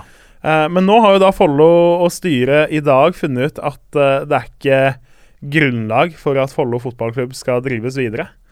Eh, så det betyr at sånn det ser ut nå, så kjemper Follo for å egentlig holde båten flytende ut året 2017, og så er det slutt. Ja. Eh, de spiller jo i andredivisjon nå, gjort det veldig dårlig sportslig så langt og ligger an til nedrykk. Eh, det de gjør, er at alle spillerne fristilles fra 21.07. Da åpner overgangsvinduet. Så sier de at de håper jo at så mange som mulig av spillerne har lyst til å spille gratis ut sesongen på amatørkontrakter. Eh, men det er jo klart at for noen av dem så er, kommer de jo til å søke seg videre. Og så prøver de jo da, for å være sportslig fair mot alle andre i avdelinga si, og fullføre sesongen. Uh, men da er det jo litt sånn Hvem er det som vil spille for Follo i høst, tenker jeg da. Det er klart, er du skigutt og på en måte ikke har noen voldsomme ambisjoner videre, så blir det nok værende. Men uh, nei, det, jeg tror Follo skal få det tøft nok med å stable et lag på beina til høsten. Uh, og det virker jo Jeg tipper at det laget skal få slite blytungt i andredivisjon sportslig. Men, Men, men hva skjer da? Er det, er det De rykker jo uansett sannsynligvis ned. Er det da et ned til tredjedivisjon? ja, Hvor de da blir eh, De trekkes ut av serien. Er det da et uh, lag i tredjedivisjon som ikke rykker ned? Ja, sånn har det vært de siste åra. Mm. Uh, så høyst sannsynlig kommer da det beste laget som egentlig skulle rykka ned fra tredjedivisjon, til å få beholde plassen. Ja. Så det vil si at hvis du Det jo, blir jo seks lag som ender på tolvteplass eh, i tredjedivisjon. Det av de lagene som tar flest poeng denne sesongen her eh, Beklager, ellevteplass blir det jo, for det er fire nedrykksplasser. Mm. Eh, det laget med flest poeng av de kommer da til å få tilbud om den plassen. Ja. Eh, så sånn er det jo. Det er, det er jo litt trist. Eh, Follo har jo på en måte vært en eh, liten fargeklatt da, i norsk fotball, og har jo vært oppe i førstedivisjon en del ganger og produsert en del spennende spillere. Mm. Eh, de har noen spennende unggutter nå òg. Det, det er et veldig veldig ungt lag Follo har eh, i andredivisjon i år. Så at de sliter mot klubber som ordentlig satser, det er ikke så overraskende. Eh, men jeg tenker at noen av de gutta har garantert ambisjoner utover det å være fyllmasse for en, snar, en døende klubb i andredivisjon i høst. Ja. Eh, Ja, eh, samtidig så er det vel fortsatt et eh, Altså Hvis man ikke har fått noen andre tilbud, så er det vel fortsatt et utstillingsvindu å å, å spille, fortsette å spille i, uh, i um, andredivisjon. Fordi eh, eh, med tanke på at man da i tillegg er gratis, og hvis man gjør det bra i noen matcher, så er det jo enkelt å snappe de kanskje for andre klubber. Ja, jeg, jeg tipper jo de fleste av dem søker seg mot andre andredivisjonsklubber. Altså, Ja. jeg tenker jo Kjelsås, Grorud, Skeid eh, eh, er jo ikke lange turen inn. Eventuelt så har du ganske ambisiøse klubber som Moss. Uh, Moss er jo ikke så langt eh, det heller. De ligger an til å rykke opp fra tredjedivisjon. Jeg tipper jo de fleste som har noen sportslige ambisjoner i Follo nå, kommer til å ta seg en telefon til de, noen av de klubbene, f.eks. Ja. Uh, nei, så det, det er jo litt synd. men vi får jo håpe på en måte for avdelingas skyld da, at de klarer å holde seg Flytende. Ja, klarer å stille elleve mann til kamp i de resterende kampene. Dette er toppfotball.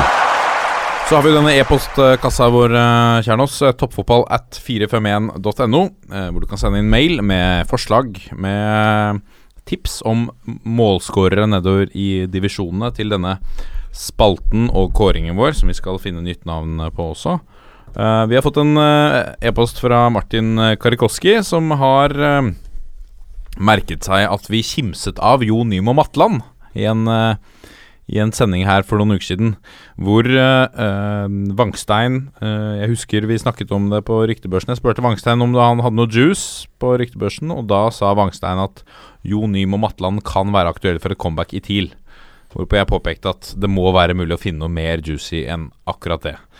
Så eh, skriver Karikoski her at uh, Jo Nymo Matland skal man ikke kimse av. Syns uh, du avfeide han litt i forrige, setten, uh, forrige sending som et litt uinteressant objekt, sier Karikoski. Fordi I eh, 2002 ble mannen med det, med det yndede venstrebeinet regnet for å være en av Norges tolv største fotballtalenter, og han var med i TV3-programmet Proffdrømmen. Husker du det programmet, Kjernos? Jeg husker det så vidt. Hva Kan Per Siljan Skjelbred ha vært den som Ja, vant? han var han ja, han var kanskje med der. Jeg lurer på det. Ja. I 2011 erstattet han Jonathan Parr i Ålesund, og i 2014 havna han i kontroverser eh, og eh, mediestorm da han data klubbdirektør eh, Hoff i Ålesund sin datter og ble tilbudt ny kontrakt av Hoff, stikk i strid med den sportslige ledelsens ønsker. Det skal sies at uh, Henrik Hoff er ikke her til å, til å svare på dette, Um, men det ble jo litt uh, skriveri rundt det. Så uh, når alt kommer til alt som Karikoski sier her, at uh, uten mel, uten drahjelp fra svigers, så er han den eneste eh, Tromsø, originale Tromsø-gutten som har klart å bli proff i utlandet. Royal Antwerp i 2015, nivå 2 i Belgia. Det er lite, har vært lite fra eh, tromsøværinger. Altså Mange vil si altså Mange vil da kontre kanskje med å si Rune Lange, men Rune Lange er ikke fra Tromsø, Kjernås. Nei, og da Han og broren Er han fra Lyngen Karnes? Stemmer me- jeg mener det. Jeg vet ikke for broren spilte der for dem. Roger? Roger spilte der lenge, så uten å ha tatt herr Google til hjelp, så stemmer det vel at Lange ikke er fra byen Tromsø. ja. Karikoski avslutter i hvert fall med at uh, han forventer en uh, Jon Nymo Atland spesial i neste sending, og det kan vi vel kanskje ikke love. 100 Jeg er usikker på om det er uh, stoff der til å fylle en hel sending. Ja, jeg, eh, såpass tenker jeg at uh, det er vel å ta litt grovt i, men han skal nå ha for dette venstrebeinet sitt, da. Ja, bra venstrebein. Uh, Og så Han har jo skåra noen fine mål med det og hatt noe assist. Ja. Men eh, eh, klart at belgisk nivå to, det er jo ikke eh, på en måte det det skrives mest om av naturlige grunner. Eh, selv om Antwerpen jo faktisk eh, Vi skal ikke lenger enn 24 år tilbake før de var i en europacupfinale, faktisk. Nei, og De hadde Så- et samarbeid med United også. Ja da, så kanskje det var der planen til Matland var. At Ja, godt spill på Antwerpen, så skulle han inn på United, eller Ja. Nei, men det Han har nå hatt en helt grei karriere, på en måte fått med, selv om han ikke fikk det i Tromsø, vært i Ålesund, Ja. og innom Sarpsborg, fått seg en tur til Belgia, da. Og det Som sagt, selv om nivå to i Belgia og Royal Antwerpen ikke er det mest glamorøse livet man kan tenke seg, så uh, har han inntrykk av Belgia som et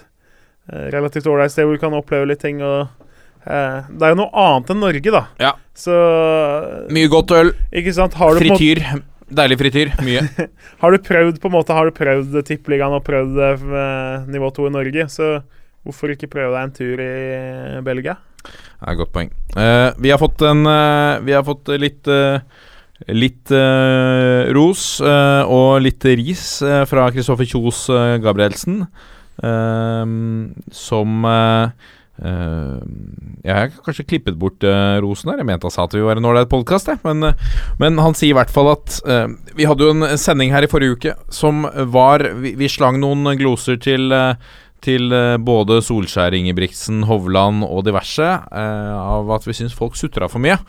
Eh, ikke Hovland riktignok, men eh, Solskjær og Ingebrigtsen. At de er eh, litt sånn småfurtende småfurtne når de får spørsmål fra journalister. Mm. Det vi ikke visste da, var at Ingebrigtsen skulle føye seg føye, Han skulle jo ta det til et nytt nivå. Han Ja. tenkte, hørte vel på og tenkte at å, jeg var Syns dere dette var furten? Bare se nå. Ja.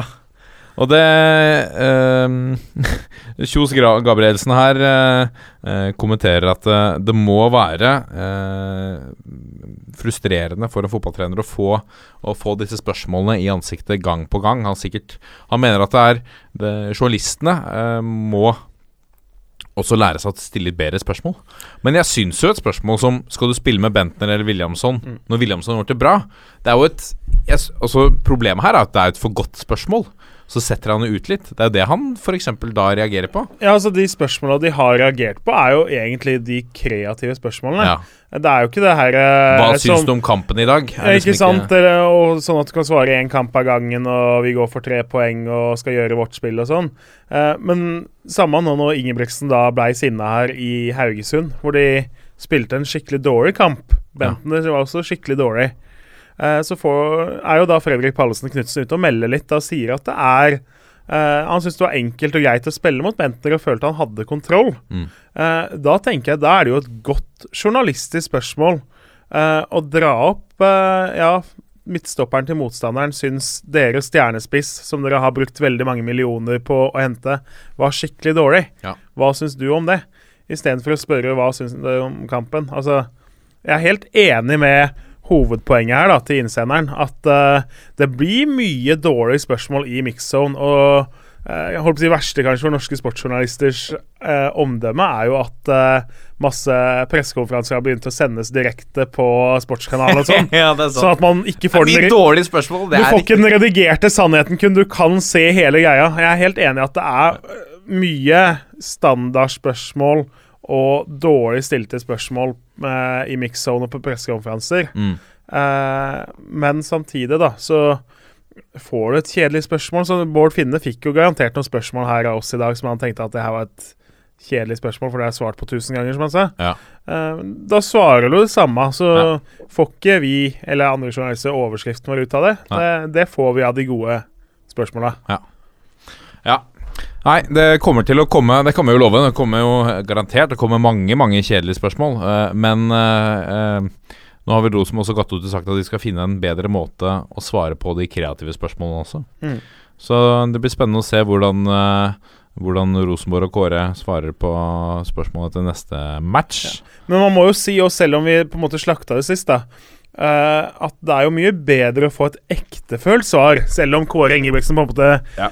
Profesjonelt sett eh, burde ha svart på en mer diplomatisk måte. Ja. Så er det jo mye deiligere å få en trener som faktisk står og sier det han tenker, Ja. istedenfor å stå og svare en sånn innlært 'nei, én kamp av gangen', og Niklas gjorde sitt beste og skal komme enda bedre tilbake neste gang, bla, bla, bla.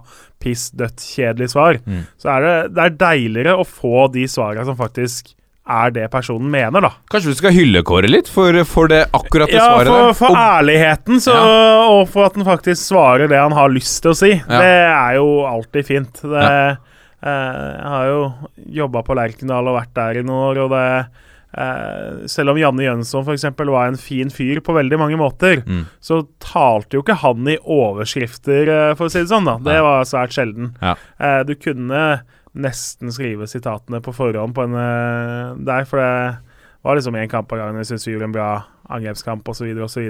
Ja. Uh, så da, det er jo litt deilig å få de som faktisk sier noe annet, da. Dette er toppfotball. Skal vi ta med oss noen uh, saftige rykter, eller Dette er vel også bekreftede ting. En god miks. Håvard Nordtveit, en gladnyhet for eh, det norske landslaget, og for uh, Nordtveit, må vi vel kunne si. Klar for Hoffenheim, som har eh, hatt en bra sesong i Bundesliga. Ja da, og det er jo en fornuftig overgang, for han fikk det jo ikke til i Westham, må vi jo kunne si. Han fikk en litt svak start og ble mye benk, og så ble han brukt på høyrebekk eh, noen ganger. Der var han veldig ukomfortabel. Ja. Eh, og hadde jo sannsynligvis havna ganske langt bak i køen for Westham kommende sesong også.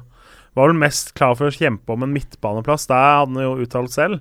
Jeg tror han har vært ganske langt bak i køen. Så Uh, han taper jo sikkert noen millioner kroner i årslønn på dette. For han kom jo til Westham som uh, Bossmann-spiller, eh, og heva jo visstnok en veldig god årslønn der. Uh, men har jo da tenkt at ok, det kommer fortsatt til å tjene en anstendig sum og vel så det i Tyskland. Ja, og det er jo en Han har vel fors han har jo godt navn i, i Tyskland etter gode prestasjoner for Mönchengladbach. Ja, og så går han jo til en spennende klubb, da. Det er jo eh, For det første nå så mister jo de både Sebastian Rudi på eh, Som er defensiv midtbanespiller. Niklas Zyle òg, som er et av de største stoppertalentene i Europa. Begge to går til Bayern. Eh, så liksom det er noen ledige plasser da som eh, Nordtveit kan fylle der. Så har de jo uh, Julian Nagelsmann er trener der. Han er jo ikke Han har vel ikke kommet i 30-åra ennå? Han 29 tror jeg han er ennå. Yes. Uh, som er en veldig ung trener. Stort trenertalent. Tok over da midtveis uh, for, i sesongen for halvannet år siden. Lå han, da kjempa de i bunnen. Så har han fått de oppover, oppover, oppover tabellen. Så Hoffenheim er jo litt sånn Det ble spennende å ha en millionær her som bygde stadion, og det er jo egentlig et knøttlite sted. Millionær eller milliardær? Ja, sannsynligvis milliardær. Veldig masse penger. Skal, skal noen hundre millioner for å bygge en stadion? Ja da, og på en måte Hoffenheim er jo Uh, Det er jo ikke Nå snakka jo Bård her om at uh, han hadde vært i en liten by med 50 000 innbyggere. Så er jo Hoffenheim enda lenger ned på den skalaen, er et bitte lite sted. Ja. Uh, og så har de da bygd opp eh, en god klubb som har blitt et eh, stødig og fast innslag i Bundesliga nå. Eh, og som skal ut i Europa og kjempe litt. Og det eh, Jeg tror eh, Håvard Nordtveit karrieremessig har gjort et ganske fornuftig valg. Og han var jo veldig god i Bundesliga da han spilte der for et år siden og før det.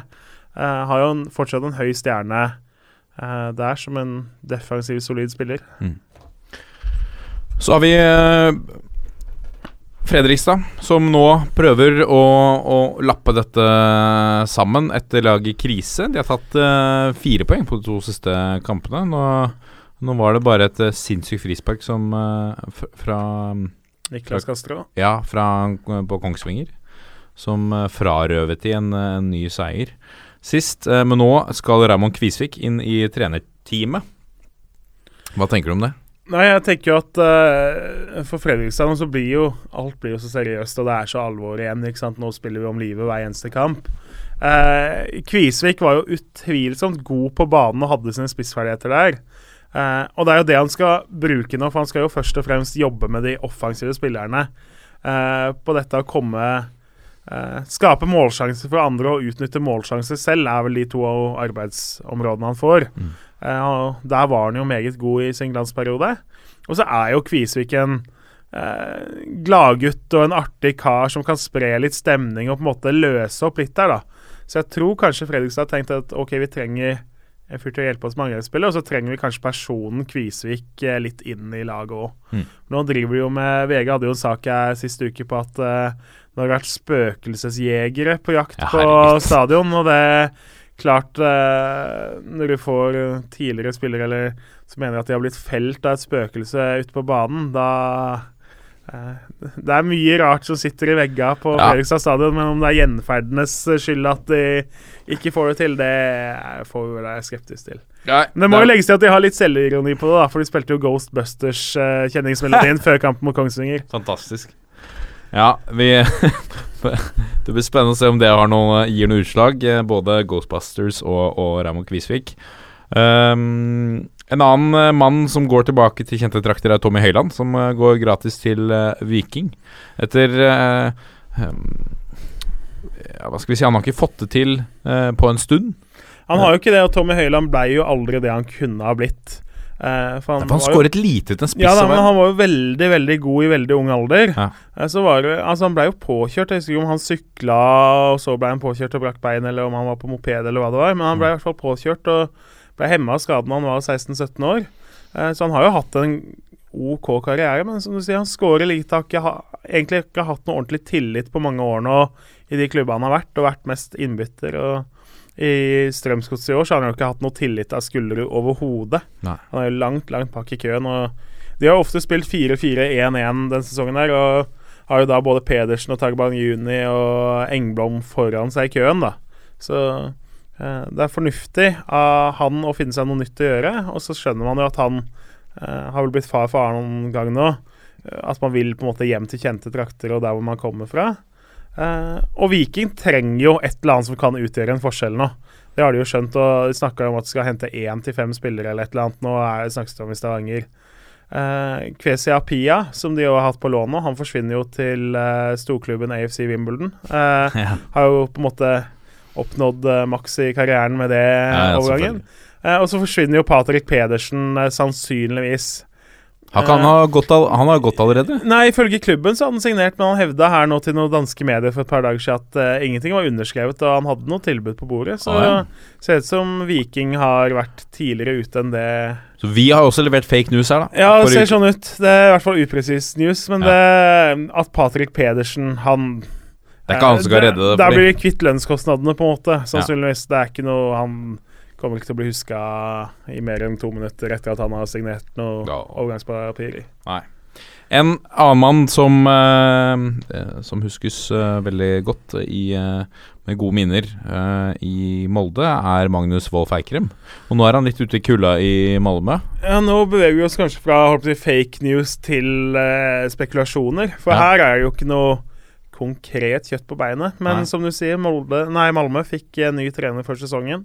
Eh, hadde jo da Magnus Wolff Eikrem som har vært glimrende for Malmö Ja. de siste åra. Eh, Passa ikke inn helt i eh, nye eh, trenerens system. Har slitt mye benk så langt. Nå henter de Kingsley Sarfo fra Sirius.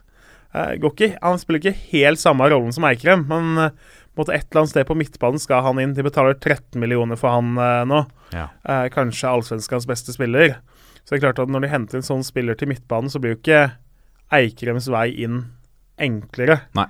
Eh, og klart Magnus Wolff Eikrem, det har ikke vært noe hemmelighet at det er kanskje Solskjærs på en måte drømmespiller nummer én å få tilbake til Molde. Uh, så jeg tenker at han sitter på benken. Solskjær har kjempelyst på å få han tilbake. Han ville heva det Molde-laget enormt. Eh, det er ikke en overgang som eventuelt ville sjokkert oss eh, her i studio hvis det skjedde i løpet av sommeren. Det er et godt gammeldags rykte. Det er et godt eh, Hva er det man sier i Aftenposten-krefter? Godt, men ubekreftet rykte? Er det ikke det man sa her eh, om en sak i en helt annen sammenheng? Ja. Ja, eh, det, det hadde vært bra for Eliteserien også, få han tilbake. Dette er toppfotball. På lørdag så får Eliteserien en eh, pangstart med dette derbyet som vi har snakket mye om i denne sendingen allerede. Vålinga tar imot Lillestrøm på Ullevål. Eh, det er siste gang, eh, får vi tro, at Lillestrøm reiser til, til Ullevål for å møte Vålinga. Kan hende de tar seg til en cupfinale om noen år, men, men neste gang så er det på Valle vi får se dette oppgjøret. Um, Vålerenga som, eh, som eh, kommer fra en eh, 1-1 mot, uh, mot Strømsgodset.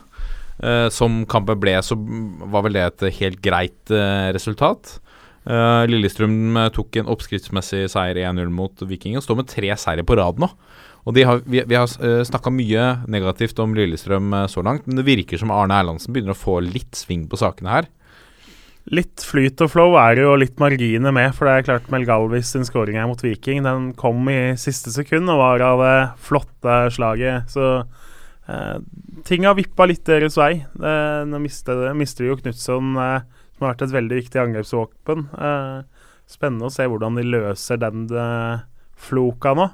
For det, jeg tipper jo Ajeti er, han er jo den som er mest lik av de som har sittet på benken. Så har jo Skoda Malic, som ikke har imponert noe som er helst denne sesongen her. Eh, hva de gjør, det blir interessant å se. Absolutt. Vålerenga får tilbake Gia Saeed, eh, som kan være viktig for å, for å åpne opp eh, spillet litt. Eh, Robert Lundstrøm også tilbake for Vålerenga. Og så snakkes det om eh, denne islendingen, Samuel Kari Fridjonsson, som ble signert i fjor sommer. Uh, U21-landslagsspiller for eh, Island, men har vært Han røyk korsbåndet. Um, han starter vel neppe, men det går rykter om at han er i, eh, i eh, troppen. Um, kjenner du noe til han? Uh, Nei, ikke noe særlig. Det kan jo fort hende at uh, Han hadde vel fort vært med når de hadde litt suspensjoner mot Godset, men han ble utvist for andrelaget i kampen før, og da må du håper stå over til du har sona den eh, karantenen ferdig. Men det er som du sier, han omtrent første han gjorde på Valle Hovin, var jo å ødelegge kneet. Så Ja. nå får han en ny start ett år senere. Magnus Lekven måtte gå av trening eh, denne uka. eh, Herman Stengel ble da drilla i hans eh, rolle, så jeg tror at han går inn på laget der. Så går det rykter om at Rasmus Lindqvist nærmer seg AIK.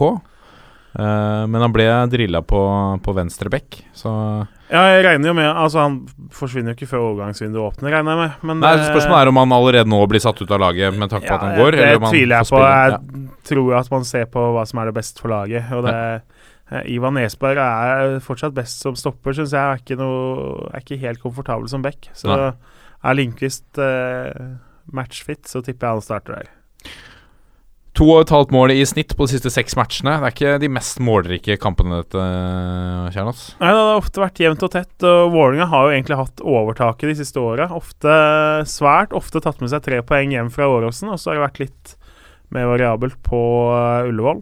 Eh, det blir en jevn kamp i år også. Det bør bli det. Det er to lag som ikke Lillestrøm har jo løsna litt nå, men det har jo mye vært Knutson. Vålinga ikke helt løsna angrepsmessig. Eh, Finne som jo har vært litt opp og ned, ikke helt funnet målformen. Samme med Moa, har ikke kommet i gang. Eh, så det blir spennende å se hvordan de løser det angrepsproblemet, vi nesten kan kalle det. Noe målfest tror jeg kanskje ikke vi får. Men, Nei, eh, altså- men litt trøkk og litt punch må vi satse på at det blir. Det er jo en kamp hvor det skal koke litt, og man skal gi litt ekstra i noen taklinger, og på en måte publikum skal være litt forbanna på deg hvis de holder med det andre laget. Det, jeg håper vi får et tett oppgjør som holder høyt nivå, da, sånn at det blir severdig også for de som ser på skjermen, og at uh, så mange som mulig finner turen til Ullevål. Ja. Tromsø tar imot uh, Sandefjord på Alfheim. Uh, Kjernos, hva tenker du om den matchen der? Nei, der tenker jeg at Bård Flovik har veldig lyst til at uh, Tromsø skal ta tre poeng. Det er jo ganske selvsagt, siden han er Tromsø-trener. Ja. Uh, hadde han håpa på noe annet, så håper jeg han hadde gått, tatt hatt noe godt. Men hans eh, jobb har jo vært diskutert nå eh, i klubben ganske heftig, bl.a. denne uka. Fordi Mm. Tromsø har jo falt rett nedover til nedrykksplass på tabellen. Eh, og nå landa det vel på at uh, Flovik skal få fortsette jobben, men så skal de ha en ny evaluering etter denne kampen. Uh, så du kan jo egentlig si at det er litt skjebnekamp for eh, Tromsøs trener, da. Eh, og det er klart at de har havna i en veldig eh, dårlig spiral nå. Slipper inn lette mål og trenger mange sjanser selv for å score. Og, eh, nei, de ser ut som et skikkelig bunnlag for tida. Så er det litt sånn Aron Sigurdarsson er ønska av Tvente nå, ble avsluttet bud. Gjermund Aasen har sagt nei til ny kontrakt. Eh, Thomas Lene Olsen sliter litt med skade. Det er liksom eh, Det er mye som har gått Tromsø litt imot den siste tida. Eh, for dem så blir det en ordentlig viktig kamp. Mm. Sandefjord imponerte jo ved å slå Sarpsborg hjemme sist. Uh, har overraska meg egentlig denne sesongen. her Har sett mye bedre ut enn veldig mange trodde de kom til å gjøre. Eh, defensivt på en måte harde og spiller enkelt, og så spisser eh, en trio på topp som jobber hardt og løper etter mye. og eh, Rett og slett et lag hvor de fleste nå utfører arbeidsoppgavene sine godt. da. Det er jo dødskjedelig sånn når trenere sier sånn, men Lars Boden har faktisk bygd et godt kollektiv ut av det mannskapet så langt. Jeg tror jo Tromsø De skal være et eh, kvalitativt bedre lag enn årets Sandefjord. Eh, men har på ingen måte vist det så langt i 2017. Nei. Så får vi se om de nå, på en måte når de har havna på nedrykksplass, begynner å skjønne alvoret, at det skjerper dem nok. Så jeg holder en liten knapp på Tromsø, selv om de kanskje ikke fortjener det. Lene Olsen og, eh, og Mikael Ingebrigtsen er usikre med, med skade, er det vel? Begge to. Så det kan jo ha litt å si, det også, på utfallet her. Ja, det har jo det. Også, han er jo Vuk, som de henta før sesongen, har jo vært skada og ikke vist noe.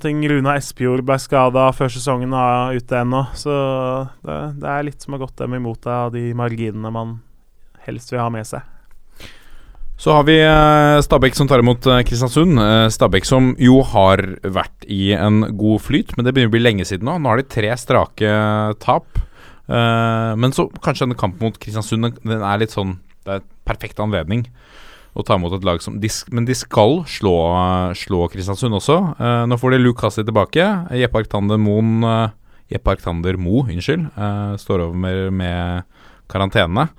Um, de var ikke jeg, jeg mener at uh, 5-0 mot Brann Altså Brann var det beste laget, men det uh, Stabæk hadde flere muligheter også til å, til å score der. Jeg mener jo at uh, de, var ikke, de var ikke fem mål bedre. Nei det var, det var ikke 5-0, men Stabæk har sett ganske skrøpelig ut og slapp inn fire mot Lillestrøm. Og eh, Mande Sayoba har eh, lenge vært ansett som en av de bedre keeperne i Eliteserien. Han begynte å surre litt. Ja, han surrer og syns de slipper inn mye som Det er ikke over i den der kategorien for tabbe, men eh, han slipper inn veldig mange i den kategorien for skudd man bør eller kan ta. Mm. Eh, veldig mange av måla de har sluppet inn nå siste måneden, har vært der.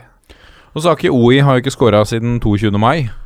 eh, på en drøy måned. Han har jo Vi, vi snakka jo litt om det, at eh, kanskje han fikk en, en dipp nå. Jeg tror det var Håkon Ludnov som var her i studio og snakket om at det kan godt hende at Oi nå får en liten Får en liten formsvikt eh, som følge av eh, uttaket. uh, nå begynner det å bli Det er vel Han har ikke putta på tre kamper. Nei, nå Det kan godt hende det, og han har jo levert best på hjemmebane, da. Så Mm. vi får se nå om det løsner igjen på Nadderud, hvor det er kjent og kjært, og han har prestert best.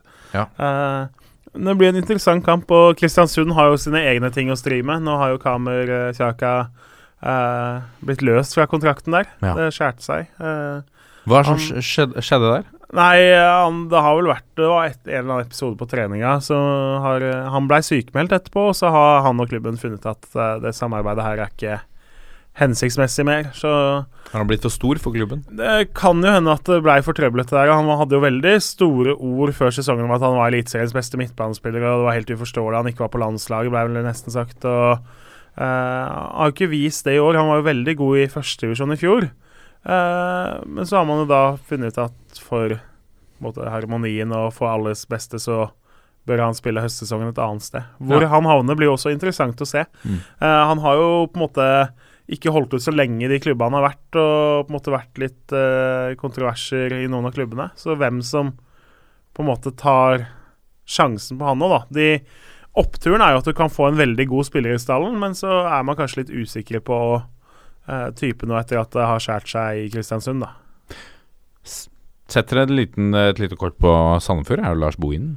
Ja, Da går mitt tips til at uh, Viking, i den posisjonen de er i nå, som trenger spillere, kanskje er klubben han havner i. Eventuelt Follo, som trenger folk. ja, vi finner ikke han noe som helst annet sted å spille, så trenger Follo uh, noen som kan trikse både 3 og 15 uh, i høst. Ehm, eh, vi får vel tro at han uh, holder seg på enten Obos eller eliteserienivå. Uh, Sogndal tar turen til Lerkendal, uh, og alltid lystige Kåre Ingebrigtsen. Blir spennende å høre hva han sier etter kampen nå. Hvis det blir Altså, Sogndal er historisk et lag som Rosenborg skal knuse på Lerkendal. Det er jo altså nesten så nære det kommer definisjonen på stor mot liten i norsk eliteserie, da. Mm. Selv om Sogndal nå har et budsjett som er, på en måte er på øvre halvdel i Eliteserien, så er det jo en liten klubb fra et lite sted. Eh, Rosenborg nå eh, Ja, det skal bli veldig interessant å se hvordan de løser den oppgaven. For det er, det er jo mye som lugger litt i det laget nå. Eh, litt for omstendelig. De får ikke spilt opp eh, Mike Jensen og Fredrik Midtsjø på en måte rettvendt med rom foran seg. Kantspillerne blir litt for sjelden satt opp én mot én uh, i posisjoner de trives i. Uh, Bentner er en litt ty annen type enn både Gytkjær og Søderlund var. Eh, Gytkjær var god på på en måte lukte de sjansene som kom der, og snappe ballen. Søderlund jobba på alt. Bentner må fòres litt for å være ordentlig god. Uh, så de har ikke helt klart å spille han god heller. Selv om han på en måte tidvis ser litt på en måte ikke helt topp ut uh, selv heller. Så Rosenborg har ikke fått utnytta hans gode sider heller, da. Eh, så det blir veldig interessant å se hvordan de skal få til det. Eneste gangen uh, de siste månedene hvor jeg syns de har vært gode, var tidvis mot Strømsgodset. Da fikk de midtbanen på en måte i de posisjonene de ville med Midtsjø og Mark Jensen. Mark Jensen har jo vært Eliteseriens beste spiller de siste årene. I år så har han sett ut som en egentlig bleik kopi av seg selv. Ja, det lugger. Pål André Helland og samme, og det er litt på De havner ikke ofte nok i de posisjonene de trives best i med ball, da. En uh, kamp i kampen er jo Kjetil Wæler mot, uh, mot uh, Niklas Bentner. Det blir også en Det er jo en kraftduell. Ja, det er det absolutt. Og det Benten skal få kjempa fra seg der. For det, det de Sogndal-stopperne er gode til, er jo å duellere og gi jernet. Eh, det er et arbeidsomt lag. Uh, samme Martin Ramsland på topp er jo en god spiss, men han Han er usikker til kampen. Usikker, så det vil jo være et tap i så fall. De har Bendik By, som jo er trønder, Mm. eh, som har sittet litt på benken. Eh, fikk aldri sjansen i Rosenborg. Eh, var i Steinkjer og var i Ranheim, og så havna han i Sogndal. Eh, eh, og? Han har jo vært rundt på en måte i Trøndelag, men de fleste trøndertalentene er en eller annen gang ofte innom Rosenborg mellom 16 og 20 år, da. Mm. Eh, så kanskje han har noe sånn eh, hevn i baktanken om at jeg fikk aldri sjansen på Lerkendal, så nå skal jeg vise dem hva de gikk glipp av. Ja. Bendik By eh, tilbake på Lerkendal. Eller eh, stedet han aldri tilbake i Trond Tilbake, Trøndelag. Tilbake i Trondheim, det er riktig. Ehm, Ålesund tar imot eh, Odd på Color Line Arena. Eh, Odd har uh, så pussig som tre 0-0-kamper på rad. De, eh, de sliter med å skåre-. Fagermo var veldig fornøyd med 0-0 borte mot Sogndal sist. Er han fornøyd, tror du han er fornøyd med, med 0-0 her eh, mot Ålesund? Isolert sett mot det Ålesund-laget som har hatt litt flyt nå og klart seg ganske greit, Mm. så er jo ikke 0-0 eller uavgjort noe resultat å skamme seg over.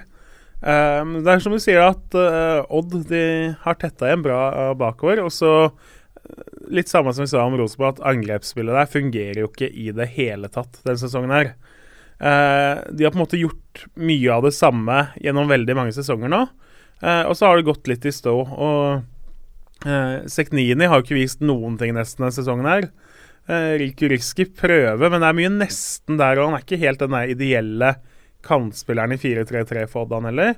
Og så er det Ocean på topp, som heller ikke får til så mye der. De henta Torbjørn Agdestein, som jo nå foreløpig er veldig langt bak i køen om spilletid, og ikke har vist noe særlig i Skien så langt. Ja, han falt jo fra etter at han, overgangen ble klar. Så slutta jo han å skåre Ja, for så der kommer kom han, Unggutten Sigurd uh, Haus og Haugen kom jo innpå isteden sist gang nå. Mm. Agdestein ble sittende på benken. Ja, Eh, det må være tungt. Eh, Haugen har levert veldig godt i andredivisjon, er vel nesten toppskårer i andredivisjon uh, så langt i år. Ja. Eh, så at han får sjansen, er jo sånn sett naturlig. Men det sier jo litt når du henter Agdestein, som skårte ti mål, var det vel, i Eliteserien i fjor, og så eh, får ikke han sjansen i det hele tatt. Men det er veldig spesielt. Vi har Odd som ligger på, på fjerdeplass i Eliteserien. De har skåret like mange mål som Viking, som ligger på 16.-plass, på, helt på bunn. Altså, hva Vi skal ikke dra i gang den diskusjonen, men hva sier det om Eliteserien? Det Nei, jo- altså, jo, det er jo ingen som har stukket fra. Altså, Brann har jo vært ganske gode. Rosenborg og Sarpsborg har hatt sine perioder, de òg. Men det er jo ingen av de lagene som har vært uh, fantastiske. Og da, så langt i år, så holder det for Odd å ha en veldig middelmådig sesong så langt, egentlig. Ja. Hvis du bare ser på hva Odd har gjort. Og allikevel så er de i høyeste grad med i medaljekampen. Og egentlig begynner det å løsne for dem, så er jo fortsatt gullet veldig kort uh, unna Mm. ennå. Det er kanskje her nå altså Dette må være en unik mulighet for disse klubbene. Vi kan jo snakke altså Brann, Rosenborg, Sarpsborg, Odd, Molde. Hvis det er masse Molde òg. Vi kan til og med dra med oss Ålesund, kanskje. Eh, for å være veldig snill med et par gode signeringer i vinduet for en av disse klubbene. Det som treffer i dette vinduet nå, kan være nok til å ta gullet. Ja, Det som jo er litt bekymringsverdig for Ålesund, er jo at uh, han der eh, spissen de har leid inn, Ja. som egentlig er fra Nederland, men har vel ha, nå har sørafrikansk pass, Lars Velvik. Ja. Eh, han er jo bare på lån og har andre tilbud og forsvinner trolig om en måneds tid. Eh, og så har du Moss, som man ikke ser ut til å komme til enighet med om ny kontrakt. Nei.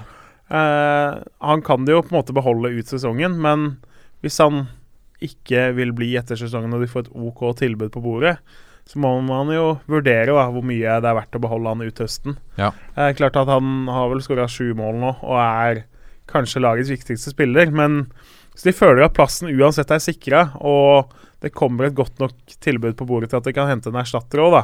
Så det er ikke umulig at begge spissene da forsvinner. Kanskje vi får se en gjenforening med Bror i, eh, på Oslo øst eh, neste år. Ja, jeg tenker jo Moss har levert såpass stødig nå i Eliteserien at han har nok sikkert ambisjoner om en ny Å gi det et nytt forsøk, kanskje utafor landegrensene også. Sarpsborg øh, ligger nå på tredjeplass. Ett poeng fra, fra Brann på, på toppen. Eh, nå tar de imot Brann hjemme eh, i eh, Østfold. Det er, en, altså det er et uh, ordentlig Dette er et ordentlig toppoppgjør. Altså um, Skal sies Rosenborg møter Sogndal, um, men den som tar tre poeng her, kan ende med å lede serien når vi er uh, ferdigspilt. Ja, det er jo egentlig et litt usannsynlig toppoppgjør, på en måte. Det Sarpsborg var jo av mange måte pekt ut som sesongens uh, dark horse uh, i år. Uh, Brann tok jo sølv i fjor, men det er liksom litt moderate forventninger før årets sesong, da. Men de har jo virkelig løsna angrepsmessig den sesongen her. Angrep til Brann fikk vel terningkast to på VG-loopen. Det viser jo litt av hvor vanskelig det er på en måte å eh, skulle prediktere ting på forhånd, da. Ja. Eh, for nå har de på en måte, Det har jo øst inn mål i Bergen, og de har skåra 29 mål, som jo er helt eh, vanvittig med tanke på hvordan fjoråret var. For da tok de sølv uten at egentlig angrep fungerte. Men eh, Brann har jo da tatt mye større sjanser i det offensive spillet nå. Sluppet litt mer løs og på en måte litt større offensiv frihet og eh, vilje til å satse offensivt nå, da. Så Eh, I fjor så skåret de 42 mål hele sesongen. Nå er de 29, og vi er ikke halvveis. Så, Like mange mål nå som Rosenborg hadde på samme tidspunkt i fjor. Ja, nei, så de Og klart, Daniel Bråten er jo i Har fått en ny vår. Altså, Han er jo ikke i sin livsform, for han har jo vært god før. Ja, ja. Men uh, man trodde kanskje ikke etter et skuffende år i Vålerenga og etter en middels uh, pluss sesong i Bergen i fjor. Han var jo ganske god spillemessig ofte, men leverte lite målpoeng. Sto til en terningkast fire, kanskje? Noe Ja, sånt noe. ja. Vi, eh, så langt i år så har han vært Eliteseriens beste spiller, syns jeg. Det, eh, han ser ut som han koser seg skikkelig med fotball igjen. Han er jo en spiller som på en måte er litt av og på, det er sagt mye om hans eh, av og på-knapp. Ja. Eh, men nå så ser det ut som han spiller fotball fordi han syns det er dødskult igjen. Sånn som han har gjort når han har vært virkelig god før. Og, eh, å være back og møte han, det var jo tidvis litt synd på noe Stabæk-forsvaret der eh, nå på mandag. Absolutt. De, eh, det blir en eh, Kanskje runde Altså, det er jo eh, rundens absolutte toppkamp, sånn, sånn jeg ser det.